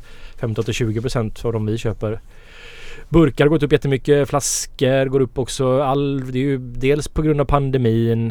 Eh, dels på grund av klimatet. För att typ Kanada hade ju en sån extrem värmebölja. De hade ju Det var väl 50 grader i delar av Kanada Okej. i somras. Vilket alltså Och det som ledde till också en massa bränder Ja, som precis. skogs... Träpriserna gått upp. Precis. Och träprisen är en väldigt komplex grej. Jag lyssnade på en podcast om det här och det var otroligt intressant faktiskt vad som... Eh, Träprispodcasten, en grym. Ja, nej men det var hur... Det var ju dels då klimatet, det var med skalbaggar och grejer så här, för sen Mm, 20 år tillbaks liksom. Typ hur det här har... Ja, på, Mm. det påverkar nu liksom träd. Ja, okej. Sen så transporter är jättesvåra. Eh, det är ont om chaufförer. Det är, det är en perfekt storm. Och liksom, alltså när det var då 50 grader i Kanada, så det var ju en by som självantände mer eller mindre liksom för att det var så varmt. Eh, och alltså jag tror, jag hörde någonstans att skörden då är ju så dålig på korn då i för det är ju Manitoba heter väl den delstaten i Kanada tror jag som är så här platt mark eh, öster om Klippebergen. Där Alltså de fick ut typ 40% av de de brukar få ut. Oj. Det är ju, alltså, och det är ju det som hela Nordamerika då, det är ju där de får sin malt. Så de kommer börja se till Europa kanske för att få tag i malt okej. och sådär. Men du, vad, vad händer då? Behöver du ta högre priser? Kommer konsumenten att få pröjsa mer för en öl framöver? Så kommer det, det här blir alltid en försläpning liksom. Eh, lite grann för att det är ju lite med Systembolaget att vi har ju kanske gått med på priser som att det här ska vara då. Helt plötsligt Ja. så kostar ju, fan nu kostar ölen 20 procent. Intressant. När får ni höja då? Eh, det, det är lite olika. Jag har inte jättebra koll på faktiskt. Jag Nej. vågar inte säga för Men ni mycket. kan inte bara höja nästa, nästa månad utan det... Nej, utan jag tror det är då får man eh, prata med Systembolaget och det här är ju sånt som vi som små bryggerier kanske inte kan ha helt full koll på utan så här kring nyår så blir det bara Åh herrejävlar nu är vår marginal ganska eh, mycket mindre än vad den var Men tidigare. in, vad innebär det att, att bryggerier kommer gå, gå omkull då? Eller, eller kommer, kommer kvaliteten på produkterna bli sämre för att man inte kan... Allt det där tror jag, ja faktiskt. Eh, dels så kommer bryggerier faktiskt få det svårare. Alltså det blir inte lättare för bryggerier som redan har det svårt. Liksom. Vi är ju fortfarande den här brytpunkten att vi har 400 bryggerier i Sverige och det är inte helt hållbart att det är så många. Eh, så det här som vi pratat om tidigare då att mm, många bryggerier som vi är ju då massa anställda och vi betalar löner men många bryggerier har ju inte ens folk på sin lönelista utan det är ju passionsprojekt och nu blir det ännu svårare helt plötsligt. Eh, dels då alltså burkar, det finns ju, det är ju svårt att få tag i burk. Mm. Alltså vi, vi har ju tur på ett sätt att vi har lyckats få ett, liksom en garanterad mängd med burk. Men det finns ju många bryggerier som sitter utan burkar Mm. till exempel. Det är ju så illa det är liksom. Och, det sen så ölpriset kommer upp helt enkelt. Och då, öl är ju ganska dyrt som det. Mm. Vart finns ja, smärtgränsen liksom? Så att eh, jag tror dels att bryggerier kommer kanske börja satsa lite mer på billigare produkter att göra. Försöka att man, och det är väl, vi har ju haft en form av vi har ju kunnat verkligen frossa i eh, ingredienser på ett sätt som kanske varit ibland lite ohälsosamt att och nu måste nog bryggerier börja liksom smal, eh, sp- spara in lite grann, alltså dra åt själva liksom så här hur de de kan inte bara tänka på hur mycket, alltså ösa i så mycket som möjligt av allting utan faktiskt börja bli lite mer ansvarstagande när det kommer till ingredienser. Här har vi då en intressant sak och det är att eh, ni, när ni sätter öl på fat så använder ni, alla svenska bryggerier i stort sett, Mm. använder sig av keykex. Mm. Eh, det är ju inte helt gratis. Nej, Kikix ser svindyrt. Det kostar väl med transport tror jag det blir ungefär en 140 kronor fatet. Ja, just det. Och så eh, har du ett mell, eh, inte lite större bryggeri än du kanske har, säljer en 10 000 keykex på ett år. Mm, Något sånt där. Så ja, det är- kanske. Ja, men... Så det är 1,4 miljoner du lägger på keykex. Ja, Vad kostar ett kiki sa du? 100? 140 kronor. Ja. Eh, Så jag vi kan bara göra lite snabb matte här. Det är liksom. 1,4 miljoner. Ja, säg att vi gör- sjukt. 150 000 liter på Kikeg på ett år kanske. Genom... Det är 5 000 fat. Så det är 700 000. Men då ligger ju Stigberget vadå? En och en halv miljon? Eller vadå? Ja, säkert. Säkert. Säkert. Eh, Det är ju sjukt egentligen. Bara på någon förbrukningsvara liksom. Ja och eh, nu Kikex har ju varit en form av så här alltså engångs envägsfat har ju blivit en form av branschstandard. Alltså även de stora bryggerierna går ju över mer till den typen av förpackningar faktiskt. Fast så skaffar de någon form av egen eh, Egen standard. system för det. Ja. Ja, de vill inte använda Key. Och här har det ju blivit att Keycake har ju blivit en standard bara. Ibland. mm. Och, och Fram, det, Men framförallt i, alltså om du går till Italien så är Keycake inte så lika vanligt. nej. Där har man eh, Dolium och man har det finns ett annat som är lite vanligare i kontinenten Mm. som är också en form av engångsfat som är annorlunda teknik än med Keycake. Kikek är verkligen inte bäst. De de är ganska dåliga egentligen. Men i och med att så här, de har en egen koppling, en modifierad variant av G-kopplingen då. Så har ju det som att alla bara har Kikex, alla vet hur man ska hantera och det här har vi har rantat lite om tidigare att man har ju någonstans det blir nästan lite för enkelt att servera hantverksöl för att Kikek bara funkar. Det är ju en påse. Så du behöver aldrig tänka på vilken typ av drivgas du använder. För det kommer ju inte i kontakt med själva produkten. Det är bara så här, det är plug and play mer eller mindre. Och även om det kanske är fel på systemet så blir det alltid bryggeriet som får skiten när en öl... För att de som jobbar med det, det är så här att om det inte bara kommer öl ur kranen när de har kopplat på ett fat så vet de inte hur de ska felsöka eller sådär. Och det är ju en nackdel och så... Eller så här, jag tycker det är tråkigt men vi tittar ju på att faktiskt börja med stålfat nu. Eh, framförallt i Göteborgsmarknaden. Och stålfat, det är någonting man kan använda om och om igen. Exakt, då, men då behöver vi en fattvätt på bryggeriet. Ja. Vilket är en dyr grej som och ett extra steg i Vi har ju kort om malm som är liksom. Mm. Som ska då tvätta fat. Och sen fyllningen är ju samma som i Kikeg men det blir som ett ytterligare ett steg också. Sen så är det då lite jobbigt om man ska försöka driva hem alla de här faten. Alltså vi kanske behöver om vi säljer, säg att vi säljer 60 fat i veckan till Göteborgskrogar. Mm. Då ska de hämtas och då behöver vi kanske ha fem gånger så många fat Ja. för att det här systemet ska fungera. Och ett fat kostar en 2000 3000 spänn att köpa in nytt då kanske. Så man måste lägga ute med rätt mycket pengar från början. Och sen så då hitta den här så att men om det är krogar man säljer till reguljärt så kan det funka för att då är man där varje vecka så då får de nya, man tar tillbaka de gamla. Mm. Just det. Eh, och sen ska tillbaka till bryggeriet, tvättas, göra redo för att fyllas. För Göteborgsscenen så ser jag att det kan funka. Jag såg att Coppersmith hade köpt egna, massa egna stålfat. Mm. Men det är för att han äger väl också någon konferensanläggning och sådär som där de serverar mycket av ölen. Då. Ja men precis, då, det, då, då makes det sense liksom på ett Mm. sätt att faktiskt använda. För att du, kemikalierna som det tar att rengöra ett fat och den energin liksom. Du tjänar ju in ett fat ganska snabbt när du Ja, betalar alltså. 140 kronor för ett keykegs. Eh, Mm. Men sen så stålfat kräver lite mer kunskap bland de som serverar också. Det är väl inte ett jätteproblem på ölbarer och sådär kanske men på andra barer så behövs det. Det är ju- Det är lite därför den här anknytningen också med att stora bryggerier installerar sina egna är för att de vill garantera att det ska vara så enkelt för de som serverar också så att de kan styra med att de vet att det är, vi kan kontrollera om det blir problem. Liksom. Men jag, jag, också, jag varit på en, eh, jag hade covid i eh, mellandagarna. Eh, Mm. Och min, min smak försvann.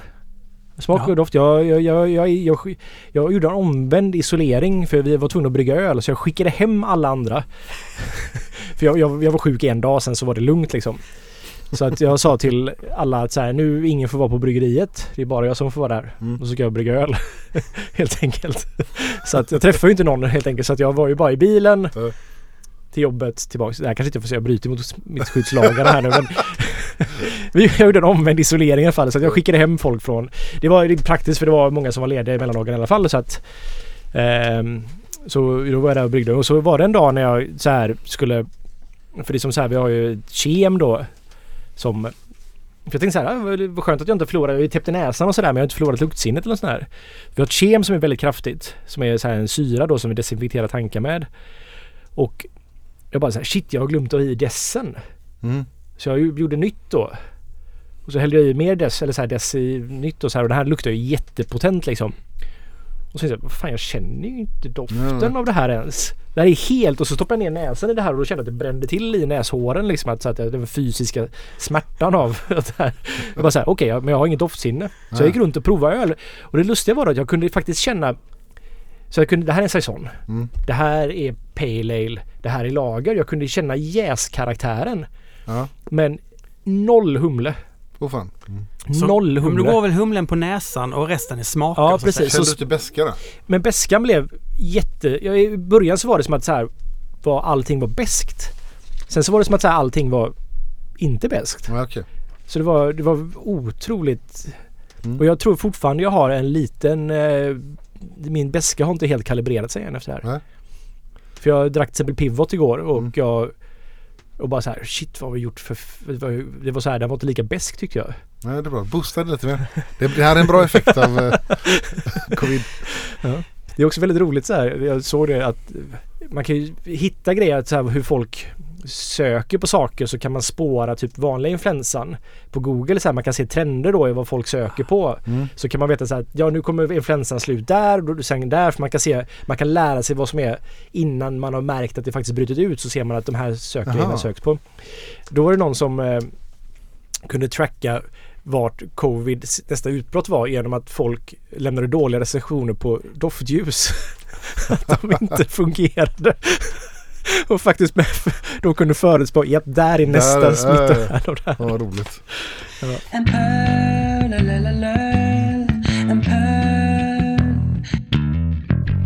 Att stå upp så här i tre timmar eh, får mig fundera på om vi ska ha, ska vi ha ett gubbabord?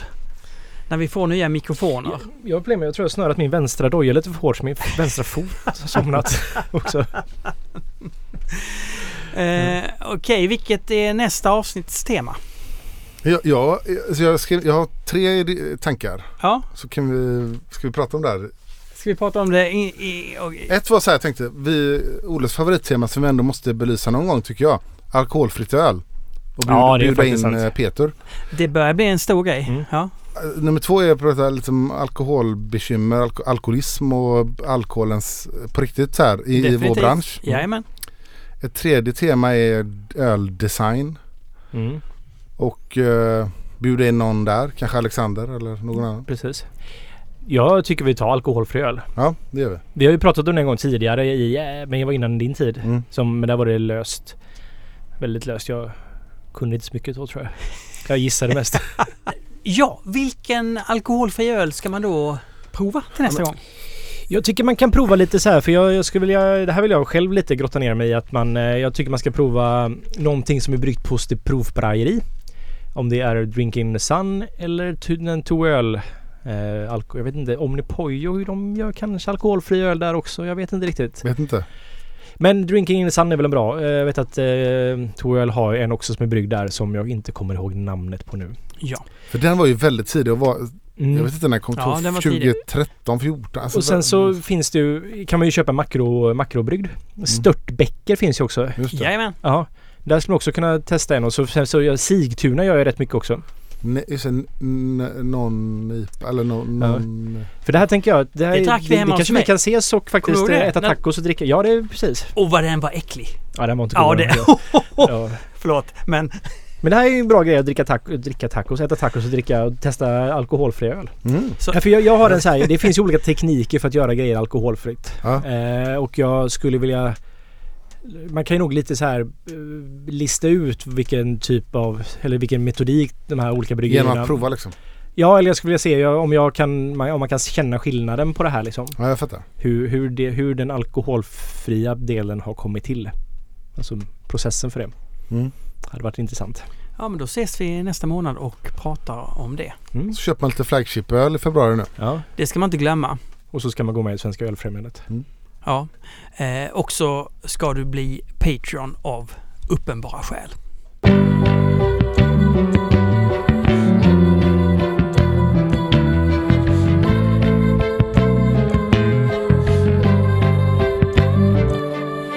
En